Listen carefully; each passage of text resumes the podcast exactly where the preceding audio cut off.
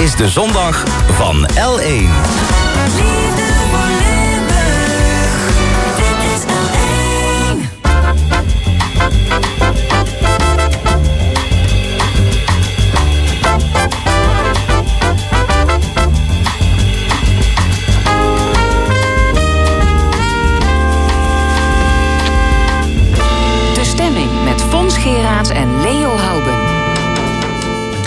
Welkom bij De Stemming, het interview- en discussieprogramma van L1 Radio. De eerste van een nieuw seizoen. Met vandaag Marlou Absil van het CDA en Geert Gabriels van GroenLinks PvdA. Allebei kandidaat voor de Tweede Kamer. Guy Schulpen, oprichter van de veelbesproken commerciële huisartsenketen Comet BV. En onze analist Ankie Hoefnagels over de opmars van Lego voor volwassenen.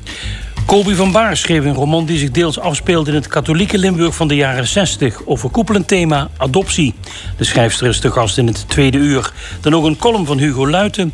En het panel discussieert over politiek in Den Haag, blikjes en demonstreren op de A12. Tot één uur is dit de stemming.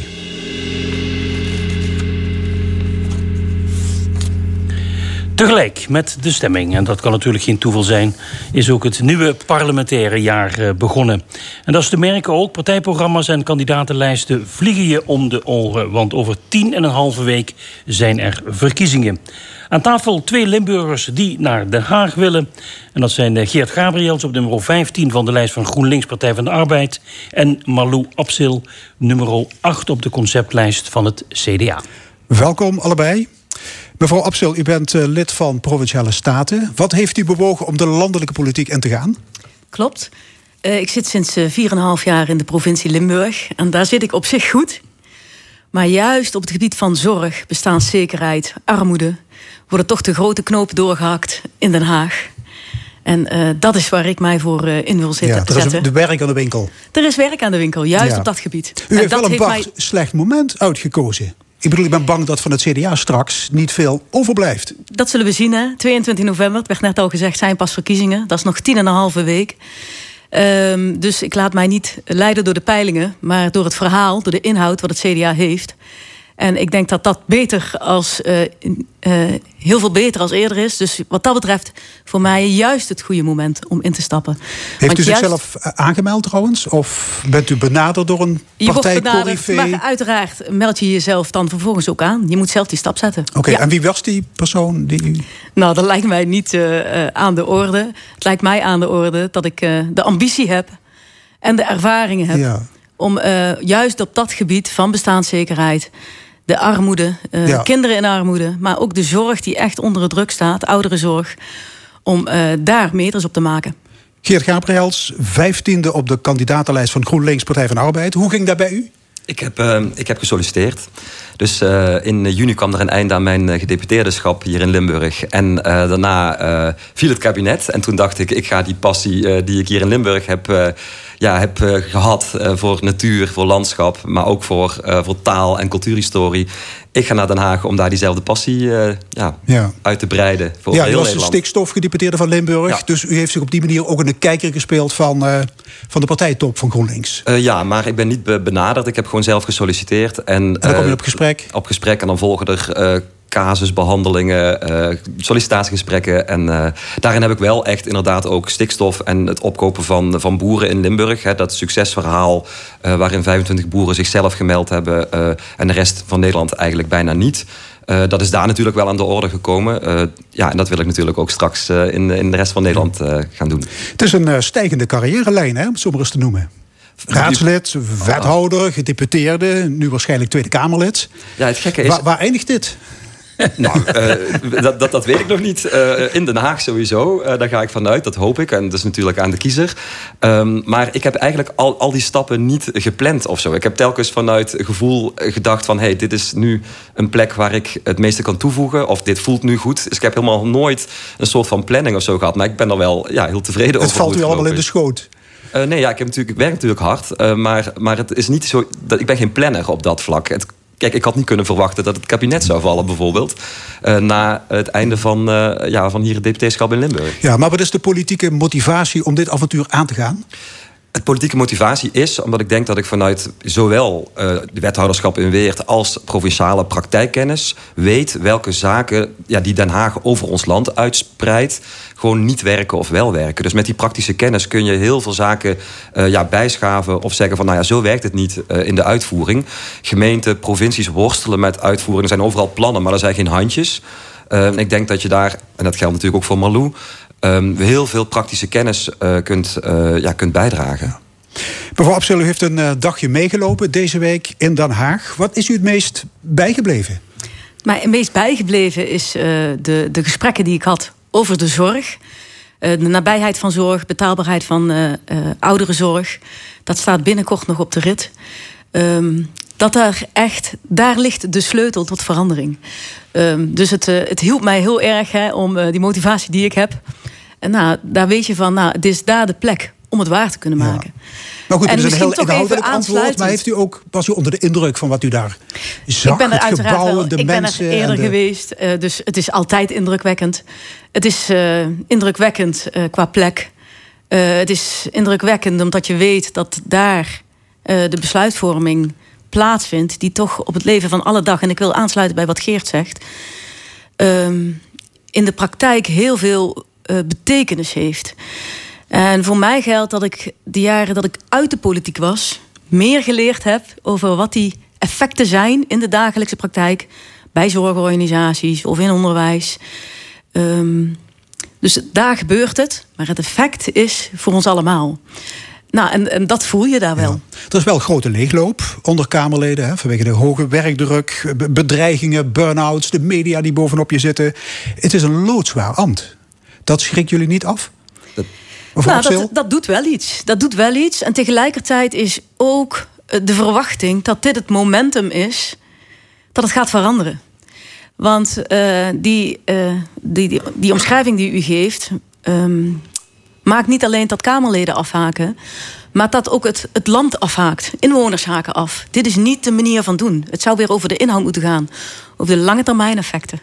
En um, nou, ik, ik, denk dat nu wel het moment is um, ja, om daar verandering in die bestuurscultuur uh, aan te brengen. Gabriels? Het schrikt me juist niet af. Het, het motiveert me juist meer om uh, meer in te zetten om, uh, ja, om het goede te proberen te doen voor, voor inwoners van Limburg, maar ook van Nederland. En als gedeputeerde was het natuurlijk ook niet makkelijk in, de, in het hele stikstof ja, debakel eigenlijk. En de, en de protesten, de logische onzekerheden die mensen ervaren hebben, boerenbedrijven die onzekerheden gevoeld hebben, natuur waar het niet goed mee gaat, gezondheid die achteruit gaat omdat wij het milieu zo sterk vervuilen. Um, dus ik heb dan juist de, de, de passie of de motivatie om samen uh, ja, met die organisaties, uh, de, de boerenorganisaties, de natuurorganisaties, waterschappen, dat systeem weer te verbeteren. En, en dat is voor mij juist een, een, ja, een drive om het te gaan doen. Die achtste en die vijftiende plaats voor jullie, staan die vast of kan dat nog veranderen, hoger, lager? Bij ons is 23 september pas het uh, congres, dus het is conceptlijst. En dan wordt dat al dan niet bevestigd. Bij ons is dat hetzelfde. De leden gaan uiteindelijk over de definitieve lijst. Ja, laten we eens even dieper in het CDA duiken. Um, een partij in het politieke midden. Maar daar zit nu ook de BBB. Daar zit nu ook Omzicht met zijn uh, nieuw sociaal contract. Het wordt wel heel druk in dat midden, hè? Het is druk in het midden en dat is ook goed, zeg ik even. Want het wordt tijd dat we weer van de flanken naar het midden gaan. In het midden liggen de oplossingen. En dan is wat mij betreft het CDA-verhaal het origineel. Hè? Ja. En kan uh, stoelen op een... Uh, lange traditie. Maar, maar, dan zegt u dat is het origineel, maar kiezers die rekenen vaak af met het verleden en zijn altijd gek op nieuwkomers. Dus als je dan drie van die middenpartijen hebt en je bent het origineel, het verleden, dan zit je wel in de hoek waar de klappen vallen. Dat zou kunnen, hè? maar zoals net ook al gezegd, het is uh, nog geen 22 november. Uh, maar met die realiteit en met die uitdagingen, uh, ja, met met die wetenschap ga ik er toch in. En gaat het CDA er vol in. Met denk ik een goed verhaal. Eh, dat wil ik toch ook even noemen. De, in het midden liggen de oplossingen. Omdat we het ook samen moeten doen. Um, ja, maar dat roept omzicht ook. Samen, samen, samen. Ja, nou, en, en dat is ook prima. BBB is ook gek op samen. en dat is ook prima. Ja, maar, maar, maar, maar, om je dan te onderscheiden... dan is het natuurlijk, ja, zou ik zeggen... vanuit sentiment naar de, naar de kiezer toe... makkelijker om met een nieuw verhaal te komen... Want bij u zeggen ze, ja, de CDA die hebben dat al jaren geroepen. Hebben meegeregeerd. Ik denk ook dat dat een van de redenen is dat wij te vaak de coalitie verdedigd hebben en iets te weinig ons eigen verhaal. Dat verhaal staat nu goed met een nieuwe generatie. Henry Bontebal, die dat ehm, ja, heel erg natuurlijk ook ehm, kan weergeven. Hè. Terug naar het midden is ook namelijk de basis op orde. In ons programma staan een aantal hele goede eh, ideeën, zoals kinderopvang, eh, kindertoeslag ehm, verhogen, eh, het kindgebonden budget verhogen, zodat je de basis van gezinnen op orde brengt. Ja. Als je weet dat... Maar je hebt natuurlijk heel weinig tijd om dat nieuwe verhaal neer te zetten. Dat is, zo. dat, is natuurlijk en, wel het. En die wetenschap uw, uw handicap. maakt, ook, maakt ook dat wij zeggen 22 november is geen eindstation, dat is een tussenmoment. Ja, ja Want die, die dat, tijd dat, is dat kort. vind ik trouwens wel een typische opmerking om nu alvast te zeggen van als we dan niet veel zetels halen, dan is het een tussenstation. Nou, dat Dat kunt is een u, beetje indekken, zou ik maar dat zeggen. kunt u zo framen. Ik zie het meer als eh, realiteitszin en ook vooral bouwen aan de toekomst. Daar gaat het in het CDA Mhm. Ja. nu ook om. Ja, Bas Heijnen die schreef in NRC en SC. En ehm, eh, even een citaat eruit. Eh, eh, dat ging over BBB en omzicht, hun komst. Hun komst daagt het politieke midden uit om dieper te gaan dan de ongeïnspireerde haalbaarheidspolitiek van de laatste jaren. Einde citaat. Eens? In ieder geval heel mooi omschreven. Dat is eh, wel Wat een ik- ontzettend politiek antwoord. Wat ik er in ieder geval uithaal, eh, is wat velen ook bij het CDA gemist hebben en nu echt weer staat als een huis. Het goede verhaal. Een sociaal verhaal, eh, maar ook een verhaal gebaseerd op tradities. Hè, en, eh, onze kernwaarden, maar ook de tradities die in de samenleving zijn. Hè, van eh, eh, carnaval tot karbietschieten, staat ook letterlijk in ons programma. Ehm, ja, de gemeenschap sterk maken. Ehm die gemeenschappen, maar ook gezinnen, bedrijven hebben te lang te lijden gehad onder eh, een grote regeldruk, protocollen in de zorg. En het is, eh, het is waar, hè? da- daar hebben wij ons ook eh, wellicht heeft- te veel door laten leiden. Ja. Maar het wordt tijd voor verandering. Ja, ja nee, dat, dat, dat, dat klinkt heel goed. Nog even een reflectiemomentje. Waar is het fout gegaan met Wopke Hoekstra? Ik denk niet dat het fout gegaan is met Popco Hoekstra. Eh, het is, eh, eh, en dat heeft hij zelf ook al vooraf gezegd, het is gewoon veel meer een bestuurder. Ja, ja. En hij is van bovenaf gedropt, hè. Dat is natuurlijk wel een verschil met zo'n omzicht. Dat was ooit een backbencher. Die komen van onderop. Carol- Caroline van der Plas. Nooit van gehoord. Komt van onderop. En zo'n Wopke, plop. Die werd zo van bovenaf op dat CDA gezet. Nou, Zou ik- dat ook niet een, zou ik maar zeggen, een fundamenteel probleem zijn... van dat dat soort leiders het veel moeilijker hebben anno 2023? ik denk dat daar andere eh, zaken meer speelden. Toen zaten wij al in een leiderschapsverhaal wat heel lastig was. Eh, dus je zou ook eh, kunnen zeggen, hij heeft iets opgepakt. Hij heeft die handschoen opgepakt in een eh, heel tumultueus veld. Ja, u blijft wel heel vriendelijk. Ja, ja want het Want, heeft want ook... juist het Limburgse CDA was heel onvriendelijk voor het landelijk CDA een ja, tijdje maar dat, geleden. dat is wat anders dan op de man eh, gaan spelen. Daar hou ik niet van, ben ik ook Nee. niet van. Ehm, dus hij heeft eh, op dat moment die handschoen opgepast, eh, opgepakt. Mhm. Maar past als bestuurder bij ons CDA, maar wat minder als partijleider. Ja, er komt binnenkort een onderzoek hè, van het Limburgse CDA over de gang van zaken. Ja, dat onderzoek is lopend en Ja. de uitkomsten komen daarvan. Ja. Deze week is ook het verkiezingsprogramma van GroenLinks PvdA gepresenteerd. Eh, Geert Gabriels, de Volkskrant had als kop... uiterst links verhaal van PvdA en GroenLinks. Ja. Vindt u het ook zo'n links verhaal? Eh, dat vind ik zeker, want eh er staan zaken in als eh, dat het minimumloon naar 16 euro moet, hè, de bodem optillen, omdat bestaanszekerheid ook niet alleen een term is, maar ook een term die je moet onderbouwen met wat gaan we dan doen om de mensen die moeilijk rond kunnen komen ook echt ja, meer mogelijkheden te bieden. Ja, en als dus- het moet gedwongen onteigening van boeren... Nou, dat is de laatste. Dat geen, staat, geen kernenergie, geen marktwerking in de kinderopvang en de ouderenzorg. Dat is ja, klaar, is klare taal. Ja, dat is volgens mij heel helder. En ik denk ook dat het tijd is voor heldere keuzes. Eh, zeker ook omdat, eh, ja, het zal ook, ook niet verbazen... want dat zijn al heel lang standpunten van, eh, van de Partij van de Arbeid... en ook van GroenLinks. En wat, heel, wat ik heel fijn vind, is dat zowel de, ja, de sociale onderwerpen... en de groene onderwerpen met elkaar verbonden worden. Hè. Zoals klimaatrechtvaardigheid. Hè, dat we een isolatieoffensief starten... voor mensen die in niet geïsoleerde woningen wonen... die zowel daardoor minder ja, energie kosten hebben, als daarmee dus ook minder gas of fossiele brandstoffen gebruiken. Dat vind ik een heel mooi verhaal waarin zowel de groene kant als de rode kant, de sociale kant en de, ja, de, de, toch de klimaatkant, we hebben deze zomer gezien wat dat, waartoe het allemaal gaat leiden, uh, waarin dat gecombineerd wordt. En daar ben ik heel trots op. Ik vind dat heel mooi. Ja, een citaat uit het programma. een decennia lange focus op geld, rendement en bezit heeft geleid tot de uitbuiting van mens en planeet. Daar is geen woord van gelogen? Nou, in mijn ogen niet. Ik denk dat het aantal miljonairs in Nederland is gestegen... maar aan mensen die in armoede leven ook gestegen is. En dat het ook ten koste is gegaan van bodemsystemen... grondstoffen eh, die we uit de natuur halen. Dus ik denk dat daar geen woord van gelogen is. Het is niet gezond om in een samenleving uh, te, te, te leven... waarin aan de bovenkant mensen met vermogens uh, heel, gewoon met rendementen heel veel winsten kunnen ja, maken. Vandaar die miljonairsbelasting die jullie voorstellen. En daarmee bekostig je dus ook, en dat is allemaal doorgerekend... Um, de, ja, de minimumloonverhoging. Daarmee bekostig je allerlei zaken die voor het publieke belang... zoals veiligheid, zorg, onderwijs, maar ook OV. 49 euro, uh, naar voorbeeld van Duitsland. Het is daar geslaagd. Waarom voeren wij het hier niet in? Het is betaalbaar als we de mensen die ja, de, de, de, steeds groeiende groep miljonairs ook gewoon een goed deel laten bekostigen. Ja, mevrouw Absil van het CDA, wat vindt u van die bewering die ik net noemde? Dat, dat statement, uitbuiting van mensen, planeet. Bent u het daar eigenlijk nou, mee eens of vindt u dat Ik wil even terug naar het uh, mooie voorbeeld wat uh, Geert Gabriels aanhaalde van het isolatieoffensief. Uh, ik wil dat niet als links bestempelen. Dat is namelijk het voorstel wat wij in de Staten als CDA gedaan hebben. Hè? En ook, nou, daar werken wij op samen. Dus um, ik denk dat de tijd voorbij is van links-rechts uh, ideeën. Nou ja, maar de, de, jarenlange focus op geld, rendement en bezit... dat moet afgelopen zijn. Nou, in ieder geval, uh, je mag wel focussen op rendement en op bezit... maar als overheid heb je een andere taak. Dus als overheid heb je te zorgen inderdaad voor die goede zorg... Uh, toegankelijke zorg, deugdelijk onderwijs... Uh, dat gemeenschappen kunnen floreren, dat het verenigingsleven vooruit kan.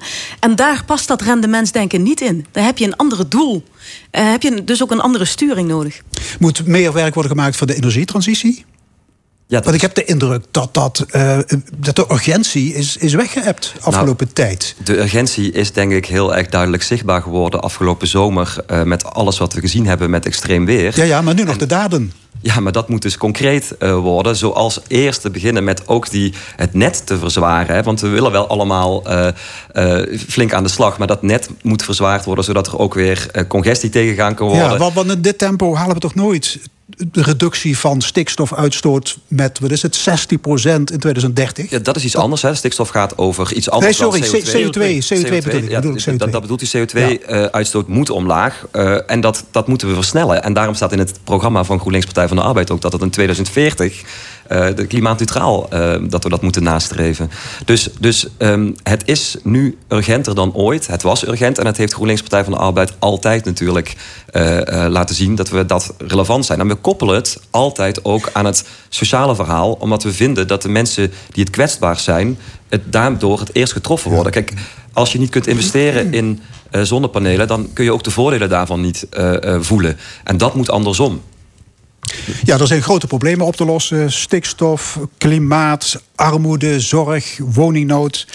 Mevrouw Absel, is het dan niet vreemd dat het CDA met het verhaal van normen en waarden komt aanzetten? Dat staat op nummer 1 van de top 10 CDA-prioriteiten. Juist een uh, logisch verhaal, zou ik zeggen. Gemeenschapszin staat als eerste uh, thema. Maar, maar dat levert toch geen woning op? Of schone lucht of, of hoger inkomen? Sorry? Dat levert toch verder concreet niks op? Juist wel. Ja? Uh, gemeenschapszin uh, levert uh, op dat je het met elkaar dient te doen. wij zeggen eigenlijk als partij... het is in dat midden, midden in die samenleving waar het gebeurt. Dus ehm, zorg kunnen wij voor een deel... door voldoende verpleeghuisplekken op, oplossen. Hè? Maar het zorgen dat mensen niet vereenzamen... het zorgen voor elkaar... Dat gebeurt in die gemeenschappen. Heb je, sterke, heb je sterke basis voor nodig, hè? sterke gezinnen.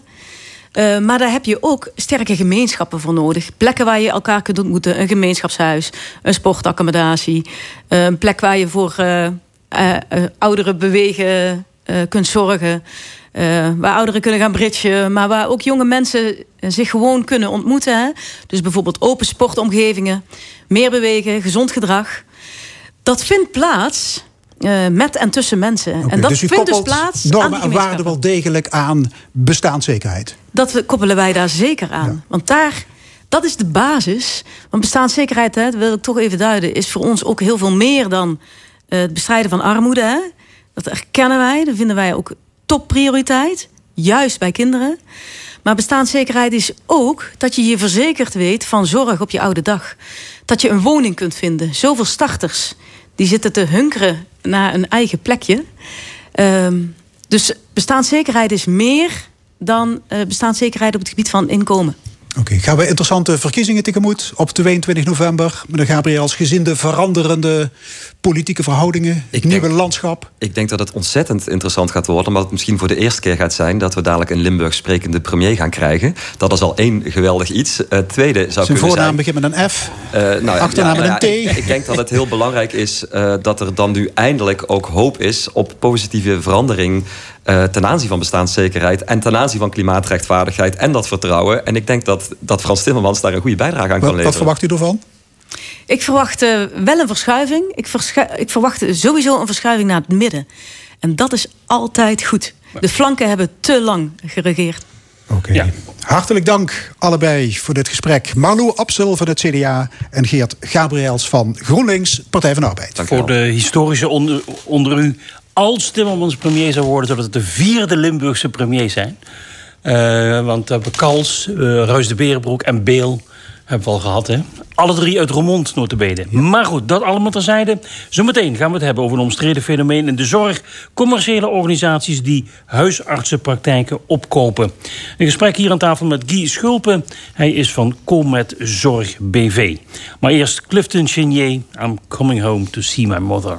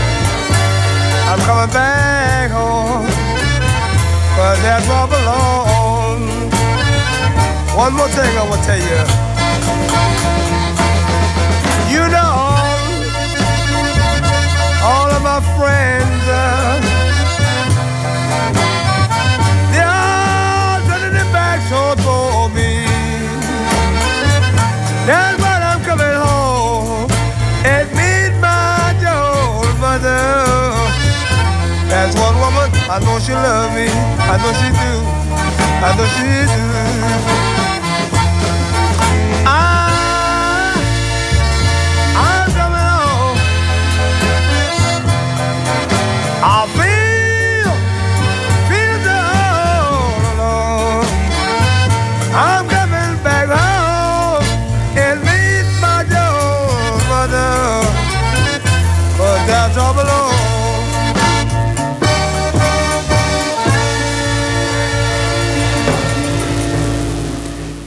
Clifton Chenier in de stemming van L1.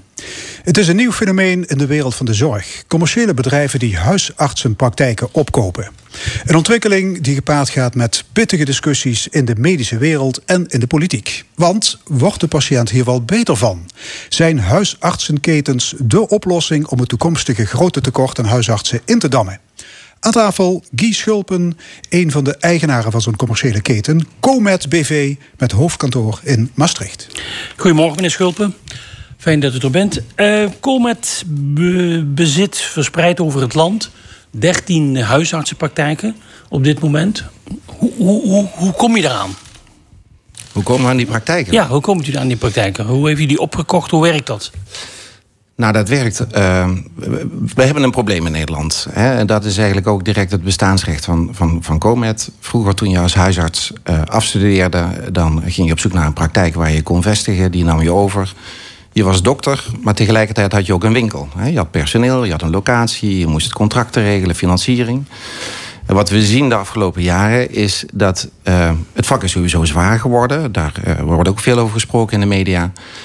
En zeker de jonge generatie zegt: ik wil dokter zijn, ik wil die hulpverlener zijn, maar al die andere lasten daarbij, dat is me te veel. En wat we dus zien uh, de afgelopen jaren, en dat zal de komende jaren exponentieel gaan toenemen, dat er huisartsen zijn die met pensioen willen gaan of vanwege gezondheid hun praktijk niet kunnen voortzetten. En niemand vinden die die praktijk wil overnemen. En dat zijn uiteindelijk huisartsen die vaak na jarenlange zoektocht zich bij ons melden van kunnen jullie dan iets voor ons betekenen om mijn praktijk voor te zetten en, te zorgen dat de patiënt niet... Ja, en dan koopt u zo'n praktijk. Ja, het kopen. Uh, dat niks klinkt, mee verder. Nee, nee, ja, het, het kopen is gewoon wat staat er in zo'n praktijk. Zo'n huisarts heeft daar een uh, apparatuur staan en bureaus staan en, en, en een investering staan. Uh, laat ik direct ook even duidelijk, hè, er wordt heel vaak gespeculeerd. Dan gaan er hele grote bedragen over de toonbank met betrekking tot goodwill. Maar nou, dat is in ieder geval niet iets wat wij doen. Wij betalen nee. wat de waarde is. Ja, en wat is dan zeg maar, uw businessmodel? Anders gezegd, van waar verdient u dan uw geld aan door die huisartsenpraktijken op te kopen? Nou, het, het businessmodel zit erin dat uh, je, hebt, je, je hebt inkomsten. Hè, dat is wat je aan inschrijftarief krijgt, wat je aan consulten ja, draait. Per patiënt krijg je van de zorgverzekeraar een bepaald bedrag. En wij betalen uiteindelijk het personeel, het pand, et cetera. Uh, en wij kunnen dan uiteindelijk huisartsen uh, een prima salaris bieden... wat lager ligt dan als je praktijk-eigenaar zou zijn. Dan verdien je meer. Maar nu heb je ook de lasten niet van alles wat erbij komt kijken. En voor dat salaris zijn uh, huisartsen prima bereid om dat werk te verrichten. En het verschil tussen wat die verdient en wat je als praktijkeigenaar verdient, gebruiken wij om al die uh, ondersteuning te financieren. Ja, ja, want door schaalvergroting, door de ICT samen te doen, de Precies. boekhouding en dat soort dingen, kunt u dat goedkoper doen. Ja. En uh, kun je met een beperktere investering meer partijen bedienen. Ja. En dan hou je er geld in over. Want het, ik, ik, las in de stukken bij de Kamer van Koophandel. U had een, vorig jaar 9 miljoen euro omzet. Ja. En was toch 1,2 miljoen uh, onderaan de streep over. Dat is, dat is niet slecht. Ja, en tegelijkertijd. Uh, journalistiek is niet altijd even zorgvuldig. Dat was zonder dat, zou maar zeggen, de geconsolideerde jaarrekening daar is genomen. Dus daar staan ook nog kosten tegenover. Dat was niet de winst. Ja, wat was wel de winst dan? Nee, dat was veel geringer. Kijk, we zijn een startend bedrijf. We zijn drie jaar geleden begonnen. En afgelopen jaar was dat uh, om en nabij uh, break-even, zou maar zeggen. Hè? Dus ja, maar u, u, gaat ervan uit dat dit wel een, een goede winstgevende Zeker. Uh, zaak kan worden? Je, zeker als je... Want er zijn steeds meer huisartsenpraktijken te koop. Nou, er zijn steeds meer huisartsen die hun praktijk niet opgevolgd krijgen. We hebben op dit moment, ABN heeft dat nog becijferd... zo'n 2200 huisartsen gaan de komende vier jaar met pensioen. En natuurlijk zijn er gelukkig ook nog wel jonge huisartsen... die dat wel willen overnemen. Maar we zien op, op tal van plekken in Nederland... en zeker niet alleen in de buitengewesten, maar ook in de Randstad... dat men ontzettend veel moeite heeft om die praktijken kwijt te kunnen. En ook wij worden nou, bijna wekelijks benaderd door huisartsen die zeggen... kun je me helpen, want ik kan niet stoppen. Ja, maar u heeft gezegd, dit jaar nemen we geen praktijken meer over. Klopt. Want er is veel kritiek op de bedrijfsvoering. Dat, bij, de, bij de inspectie gezondheidszorg zijn 75 meldingen klachten binnengekomen... Hm. over Comet-praktijken. Klopt. En u heeft gezegd, we maken even pas op de plaats. Want ja. er moet kennelijk wel orde op zaken worden gesteld in uw organisatie. Nou, waar wij mee geconfronteerd worden, is dat dit model... Um, controversieel klaarblijkelijk is. Dus het, de huisartsgemeenschap vindt er iets van. Uh, men heeft daar, uh, we ondervinden heel veel weerstand. Uh, we worden toch wel op een heleboel terreinen formeel tegengewerkt, buitengesloten, et cetera. Kijk, en, en ik vind het heel goed dat we in de zorg heel zorgvuldig zijn. Dat we kritisch zijn naar nieuwe toetreders. En kijken van, goh, leveren die nu wel kwaliteit, et cetera. Maar in ons geval moet ik zeggen dat we toch wel buitengewoon veel weerstand hebben gekregen. Die veel ook via de media wordt uitgespeeld. En we hebben gezegd van, nou ja, kijk al die media-rumoer uh, levert ook in onze praktijken voor ons personeel veel druk op. Levert veel onzekerheid bij patiënten op. Is niet in het belang van goede zorg. Dus we willen inderdaad een tijdje rust hebben in onze organisatie. Om patiënten en personeel gewoon hun werk te laten doen. Uh, en uiteindelijk uh, zullen wij na die rustperiode, want de vraag is heel groot, uh, ook wel weer verder gaan met nieuwe. Ja, ja dus vanaf volgend jaar stoomt u weer volop door. Volop, nou ja, gedoseerd. Ja. Ja, maar, maar snapt u de kritiek bijvoorbeeld van de Landelijke Huisartsenvereniging? Die zijn heel kritisch over dit fenomeen. Snapt u hun kritiek? Want het gaat dan over beschikbaarheid van praktijken, de bereikbaarheid, de kwaliteit van de zorg. Is het dan allemaal onzin? En zijn al die meldingen en klachten bij de inspectie allemaal onzin? Nou, dat is te zwart-wit gesteld. Um, ik, ik snap wel soms waar de kritiek van een LHV vandaan komt, de Landelijke Huisartsenvereniging. Um, maar die is vaak gebaseerd op een vooronderstelling die niet klopt. De vooronderstelling is dat wij bijvoorbeeld de basiswaarden van huisartsenzorg niet zo zouden omschrijven. En die basiswaarden, en dat, dat, die omschrijf ik juist heel erg, is dat je als patiënt vaste gezichten hebt in je praktijk. Mensen, dokter die je kent. Vanuit de kennis die je als dokter hebt over je patiënt kun je ook betere kwaliteit van zorg leveren. En omdat uh, je geen praktijkeigenaar zou zijn als huisarts, zou je dus uh, alleen maar een duiventil hebben met huisartsen die komen en gaan en die band niet opbouwen. Terwijl ongeveer 90% van alle consulten in onze praktijk wordt geleverd door huisartsen die zich aan ons vast verbinden. Weliswaar niet als eigenaar van de praktijk, maar ja. wel als eigenaar van de zorg. Ja, en het zijn vaak ZZP'ers. Zijn niet allemaal bij u op de loonlijst. En een nee. huisarts op de loonlijst zou je van kunnen vermoeden dat die langer blijft zitten. En dat dat dan goed is voor de patiënt. Vindt de patiënt prettig. Dezelfde huisarts, ja. zegt u zelf ook. Ja. Maar met die ZZP-constructie die u hanteert... Ja. ja. kunnen ze toch ook makkelijker uitvliegen? Nou, dit, dit is weer zo'n voorbeeld van een veronderstelling. Um, dat is een vraag. Ja, zeker. Um, nou, kijk, laat ik vooropstellen... Uh, wat mij betreft zouden al onze dokters heel graag bij ons in loondienst uh, mogen komen. Uh, maar wat het op dit moment door heel de zorg in Nederland waard... en ook door huisartsenzorg is... het is gewoon aantrekkelijker financieel om je als ZZP'er te verhuren... dan in loondienst te gaan. Dat maakt dat ook dokters bij ons zeggen... wij willen niet in loondienst, wij willen als ZZP'er werken. Pas op, dan verbinden ze zich voor ook tenminste een jaar aan ons. En na dat jaar wordt dat over het algemeen ook gewoon verlengd. Want men wil toch die vaste populatie, die vaste praktijk. Want dat is de, de fijnste manier om je vak uit te oefenen. Um, dus het klopt, het lijkt alsof loondienstverband duurzamer is. Um, nou, laten we ervan uitgaan, de vorige discussie... het nieuwe kabinet gaat het zeker hebben over ZZP'ers in de zorg. Ik verwacht dat we daar paal en perk in gaan stellen uiteindelijk in Nederland. In alle categorieën. En dan, dan zullen wij al die mensen heel graag bij ons in dienst nemen... en duurzame verbanden Ja, creëren. want als ZZP-constructies in de huisartsenzorg niet meer zouden mogen... dan is niet uw businessmodel naar de vaantjes. Oh nee, totaal niet. Het omgekeerde. Dan, dan nee. u ze een vaste dienst. Ja, zeker. Absoluut. Ja.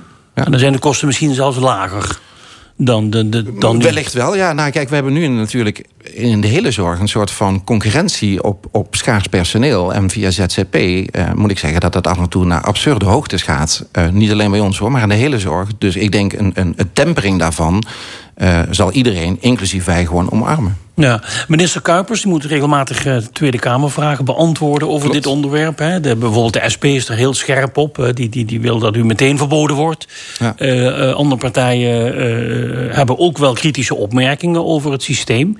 Maar het valt mij op dat Kuipers op zichzelf in die antwoorden dan steeds zegt van... Um, ja, ik wil wel bekijken of het negatieve gevolgen heeft. Uh, wat zijn de gevolgen? Zo moet ik het zeggen. Wat zijn de gevolgen voor kwaliteit, beschikbaarheid, bereikbaarheid? Maar hij zegt tegelijkertijd: andere organisatievormen uh, zie ik wel gebeuren, gelet op de ontwikkelingen in de zorg. Hmm. Dus hij is niet per definitie tegen. Dus in die zin ben ik wel blij met zijn, met zijn houding. Ja, kijk, ik, ik, ik denk dat er, dat er twee belangrijke punten zijn. Het eerste belangrijke punt is dat Huisartsenzorg is echt het fundament in Nederland. Daar staan we ook wereldwijd om bekend om de hoge kwaliteit... waarin huisartsen gemiddeld 80%, 90% van alle klachten afhandelen... tegen ongeveer maar 10% van het gezondheidsbudget. Daarom hebben we in Nederland ook afgesproken... dat je alleen maar naar een ziekenhuis kan... of naar de geestelijke gezondheidszorg... als de huisarts heeft beoordeeld dat dat strikt nodig is. Dat is voor kostenbeheersing heel belangrijk... maar in deze tijd is het voor het schaarse personeel... nog belangrijker dat die huisarts goed functioneert. Wat nu dreigt te gebeuren, en ik denk dat de minister dat ook ziet is dat de toenemende vraag met het afnemend personeel en het vasthouden aan alleen maar het oude model waarvan we zien dat de jonge generatie afhaakt, ertoe leidt dat we dadelijk niet meer huisartsen voor alle patiënten hebben. En dat gebeurt nu al. Hè. Mijn inschatting is toch echt dat meer dan 100.000 mensen op dit moment in Nederland al geen beschikking meer hebben over een huisarts. Dan bieden wij een alternatief model. Dat vliegt onder de term commercieel. Dat klopt. Uiteindelijk zijn we een BV, willen wij een rendement maken. Maar tegelijkertijd, er is geen bestel ter wereld wat uh, centraal gerund is, uh, zonder enige vorm van marktwerking, wat efficiënt is. En we hebben ook tal van voorbeelden waarin marktwerking hele slechte dingen doet. Nederland heeft altijd gekozen voor gereguleerde marktwerking, namelijk laat er een beetje competitie zijn, laat nieuwe toetreders doen. Maar maak met clubs zoals ons ook goede afspraken over transparantie. Over wat mag het dan zijn. We willen niet dat de zorg wordt uitgehold door commerciële bedrijven.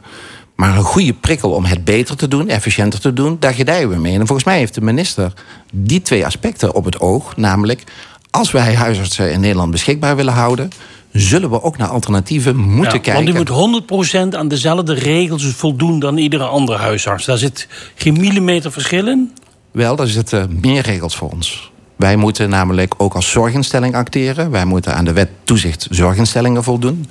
Een huisarts heeft een salaris. Mijn salaris wordt gedefinieerd door de wet normering topinkomens. Dus we hebben een raad van commissarissen die erop toeziet. Wij moeten een cliëntenraad hebben. Dus sterker nog, de toezichthoudende uh, organen bij ons zijn misschien nog wel strenger dan bij huisartspraktijken. Nu kunt u wel last krijgen van een, een, een zaak die de minister ook in de Tweede Kamer heeft aangekondigd. Heeft gezegd van als er uh, onderzoeken lopen van de inspectie gezondheidszorg uh, naar een uh, commercieel huisartsenbedrijf, dan wil ik een wet maken zodat zij op dat moment, zolang dat onderzoek loopt, niet mogen uitbreiden. Hm.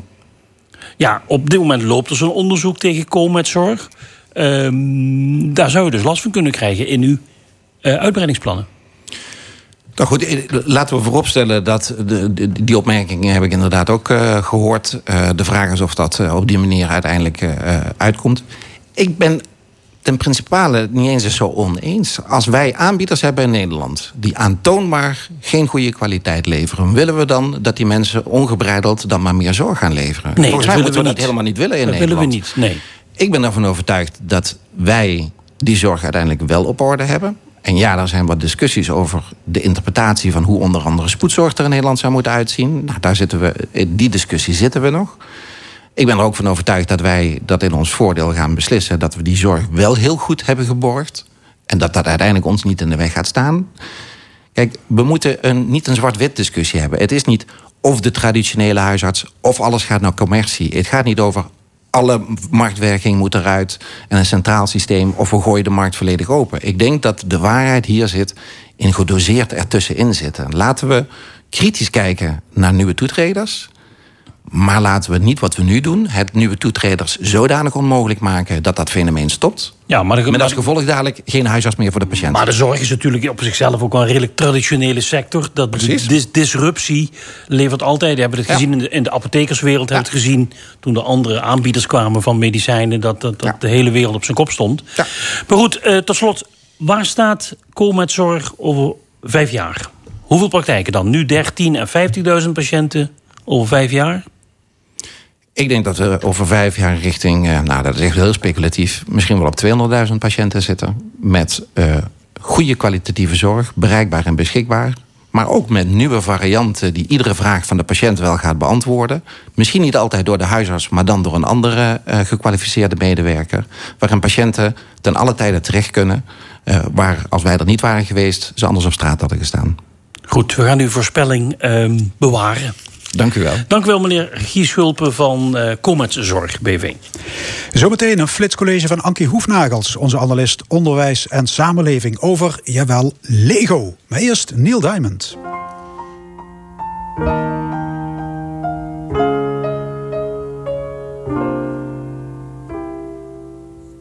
Stay for just a while. Stay and let me look at you. It's been so long I hardly knew you. Standing in the door. Stay with me a while. I only want to talk to you. We traveled halfway around the world to find ourselves again. September morn. The night became a brand new day. Two lovers playing scenes from some romantic play. September mornings still can make me feel that way. Look at what you've done. Why, you've become a grown up girl. Still can hear you crying in the corner of your room. And look how far we've come, so far from where we used to be. But not so far that we've forgotten how it was before. That September morn. Do you night away?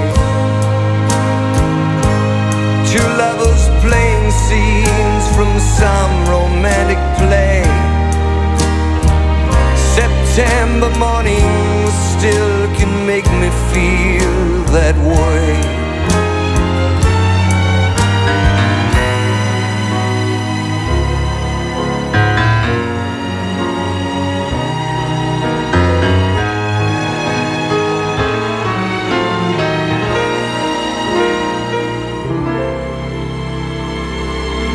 September morn.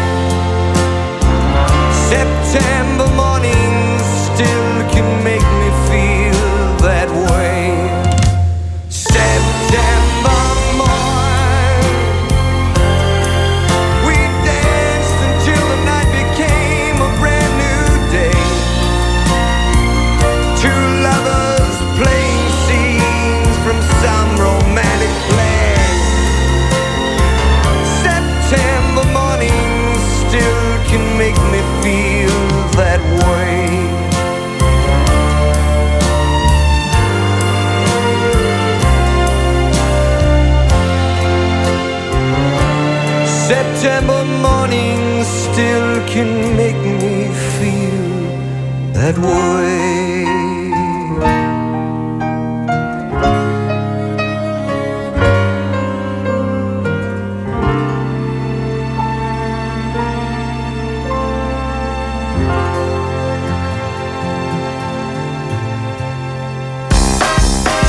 De Analist. Vandaag met analist Onderwijs en Samenleving Ankie Hoefnagels. Ankie, welkom. Dit wordt je eerste bijdrage als analist onderwijs en samenleving. Misschien goed om je even voor te stellen. Uh, wie ben je en wat doe je voor de kost? Ik uh, ben lector aan uh, Hogeschool Zuid. En mijn domein is interculturele competentie. wat hebben jonge professionals nodig om te kunnen gedijen in een globaliserende arbeidsmarkt, maar ook in een diverse samenleving. Daar doen we onderzoek naar. We ontwikkelen onderwijs.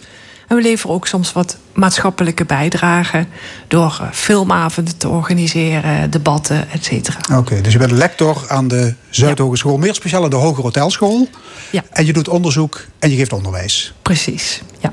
En uh, ja, als er luisteraars zijn die denken... hé, hey, Ankie Hoefnagels, die naam, die, die, die ken ik toch ergens van. Dat klopt, want je schrijft met enige regelmaat een column in de Limburger. Dat klopt, ja, met veel plezier. Ja, en je was een tijdje geleden terug hier de, te gast hier in de stemming... om te praten over het trainen van onze empathiespier. Klopt, dat is een van mijn favoriete thema's. dat is wel nodig, hè? Daar gaan we het vast de... nog wel vaker Zeker. over hebben, ja. Ja, je wil het nu hebben over Lego. En dan hebben we het over dat populaire speelgoed uit Denemarken. Ja, maar ik ga het niet met jullie hebben over Lego, maar over Lego Serious Play. Dat is iets anders. Wat is Lego Serious Play? Ja. Nou, Lego Serious Play is een methode, niet een doel op zich, maar een middel om inzichten en oplossingen te genereren voor problemen en uitdagingen waar organisaties, maar ook teams of zelfs individuen mee te maken kunnen krijgen. Oké, dus het is wel degelijk uh, spelen met Lego-blokjes, maar niet serieus in de spelen, maar dan serieus spelen. Ja.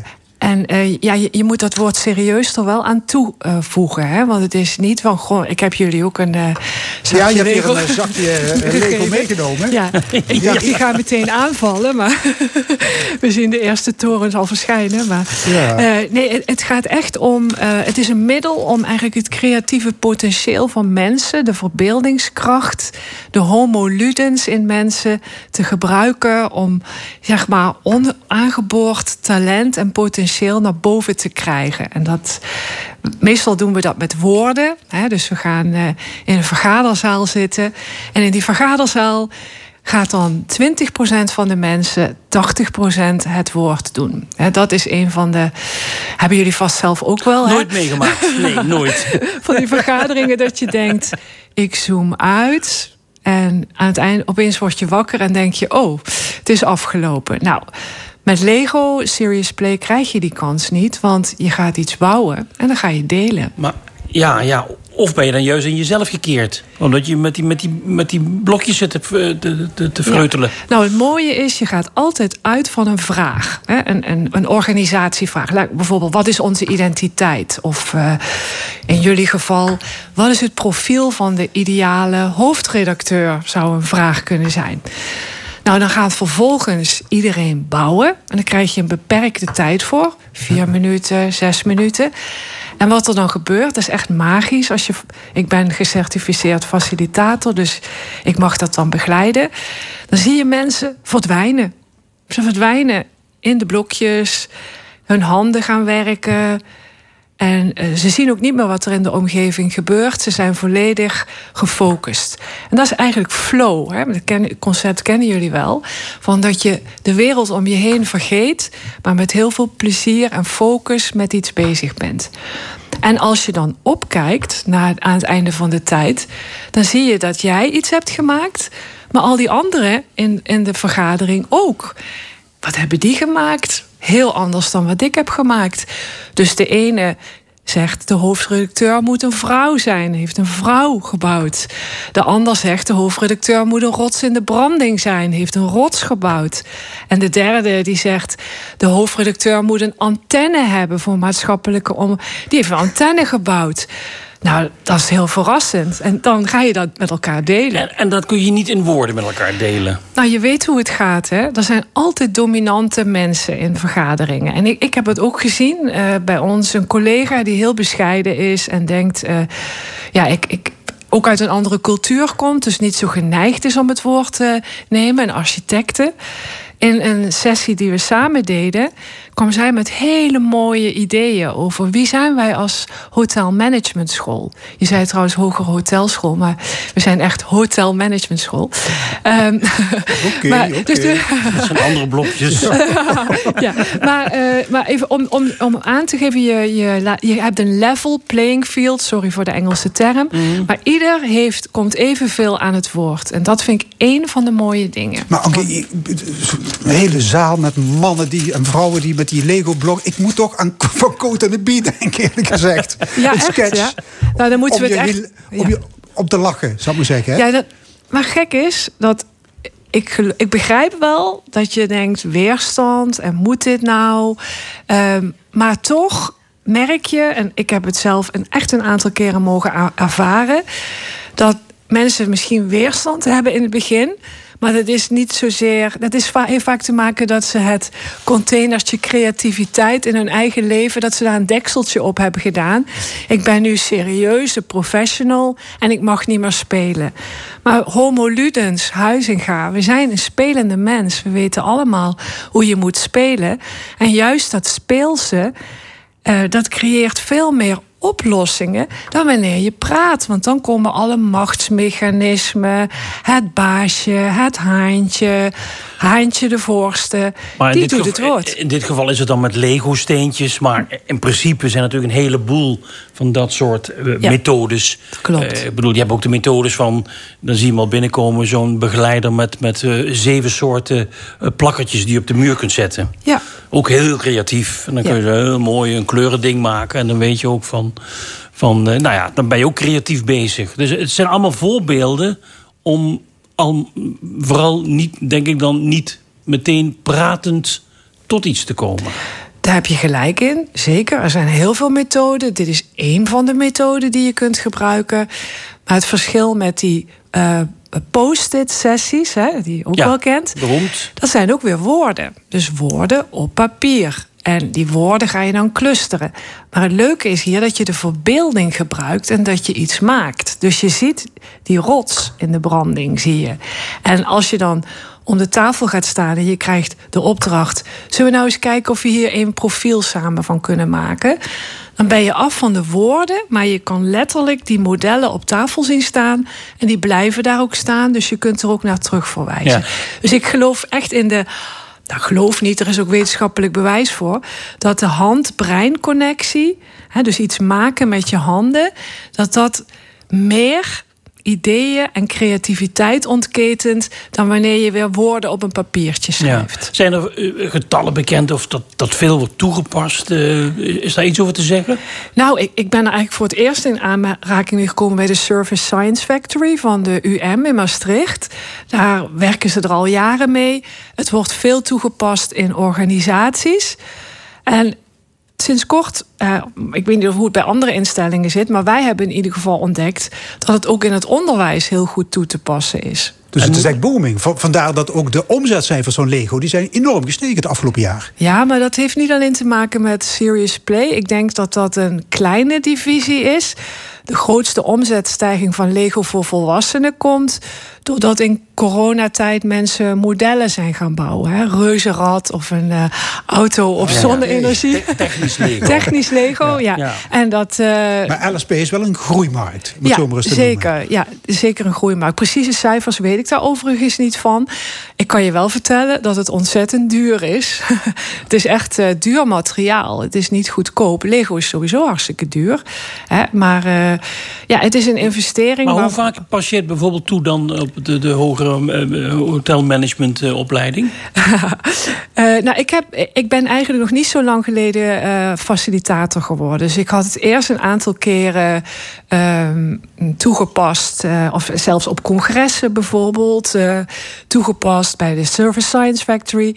Toen ehm, ben ik het samen met collega's een beetje gaan uitproberen. En een tijdje geleden of onlangs heb ik een facilitatortraining. Mag ik me ook gecertificeerd facilitator En, worden? en wat betekent wij- dat? Dat jij dat heel goed snapt hoe het systeem werkt? nou, dat je, heel, dat je vier dagen lang enorm intensief proces om het in de vingers te krijgen. Want wat jullie zeggen, weerstanden, hoe krijg je echt antwoorden op die vragen? Welke methodieken zijn nou het beste?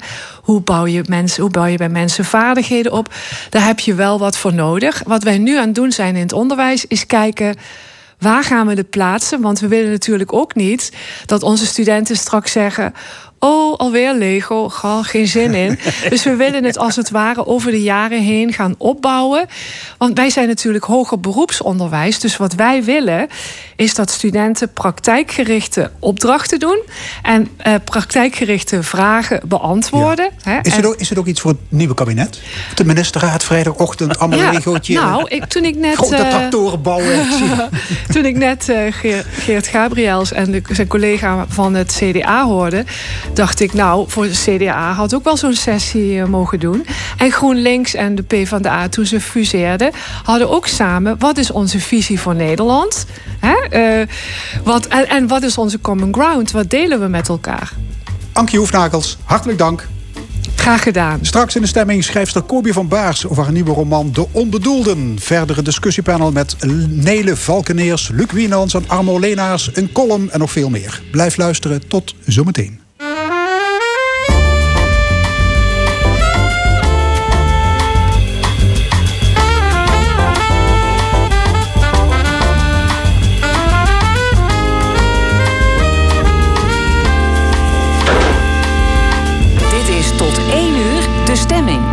En Leo Houden. Opnieuw welkom bij de stemming. Wat hebben we in de tweede uur nog allemaal voor u in petto? Over 25 minuten het panel. Drie opiniemakers, Nele Valkeneers, Luc Wienans en Armo Leenaars... discussiëren over de Tweede Kamerverkiezingen en andere actuele zaken. Een column van Hugo Luiten over de verengelsing van het hoger onderwijs. Maar eerst de onbedoelden. Zo heet de nieuwe roman van Kobi van Baars en die gaat over het thema adoptie. Het verhaal begint in het Limburg van de jaren 60, de nadagen van het rijke Roomse leven. Met in de hoofdrol de Vroedvrouwenschool in Heerlen. De inhoud van het verhaal in een notendop. Twee jonge vrouwen krijgen te horen dat ze een tweelingzus hebben. Het komt tot een eh, ontmoeting en samen gaan ze op zoek naar hun biologische vader en moeder. En dat leidt tot een zoektocht met veel emoties. Bij ons aan tafel de schrijfster Kobi van Baars. Kobi, welkom. Hoe kom je op het idee om een boek over adoptie te schrijven? Deze keer is dat eigenlijk een lijntje naar de werkelijkheid, omdat ik één van de tweeling uh, goed ken. Dat is een, uh, iemand uit mijn naaste omgeving. En dat verhaal dat is al om mij heen sinds ik 21 ben. Met, met grote hiaten moet ik zeggen hoor. Maar ik heb dat toen ik 21 was, heb ik gehoord dat iemand dus haar tweelingzus ontmoette. En ja, dat is altijd wel bij me gebleven. Ik vond het zo'n absurd iets. En heel veel jaren later heb ik haar opnieuw ontmoet. En toen heb ik gehoord hoe dat is verder gegaan. Maar goed, daarmee was het natuurlijk niet per se romanmateriaal, maar meer het leven van iemand uit mijn omgeving. Mm -hmm. En een paar jaar terug, toen hadden we in, ja, intensiever contact. En ik speelde met de gedachte die rode draad van haar leven te gebruiken als, als de opzet naar een roman. En daar hebben wij toen uh, hele fijne gesprekken over gehad. En zo is het begin van de roman ontstaan. En ik heb die rode draad ook werkelijk aangehouden. Ja, het boek is opgedragen aan A en A met een ja. kruisje erachter. Ja. Wie, wie zijn die A en A? A en A zijn de, de tweeling uit de werkelijkheid. Dus okay. niet de Aaf en de Annemarieke één op één, maar de tweeling die waarvan het verhaal ten grondslag ligt aan deze roman. Ja, als je het boek uit hebt, dan denk je... wat een ingewikkelde toestand, adoptie. Ja. He, voor, de, voor de kinderen zelf, maar ook voor de adoptieouders... voor de stiefzussen en broers, de biologische ouders... de kinderen van die, van die nieuwe partner.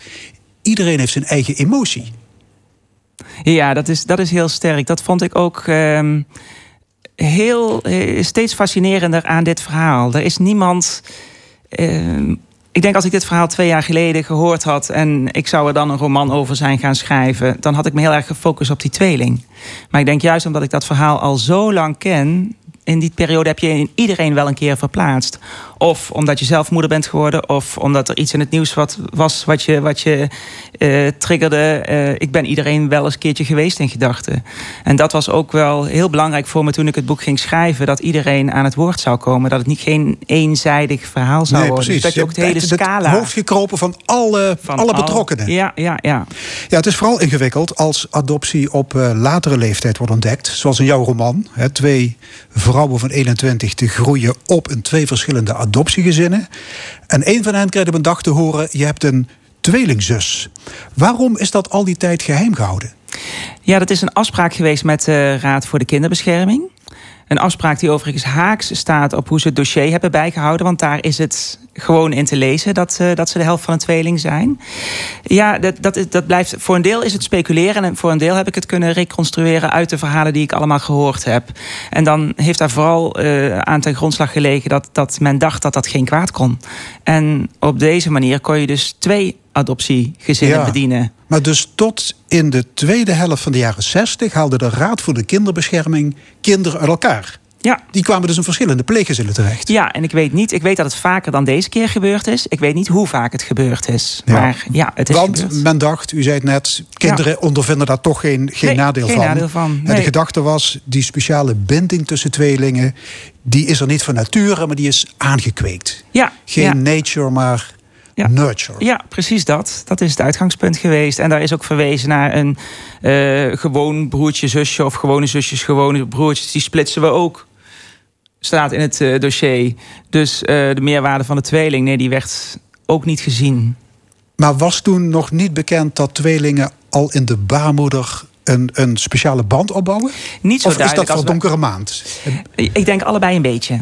Ik denk allebei een beetje. Want je zult de intuïtie van, van veel aanstaande moeders hebben moeten negeren denk ik. Want dat, dat, dat uh, gevoel bestaat wel degelijk, uh, blijkbaar.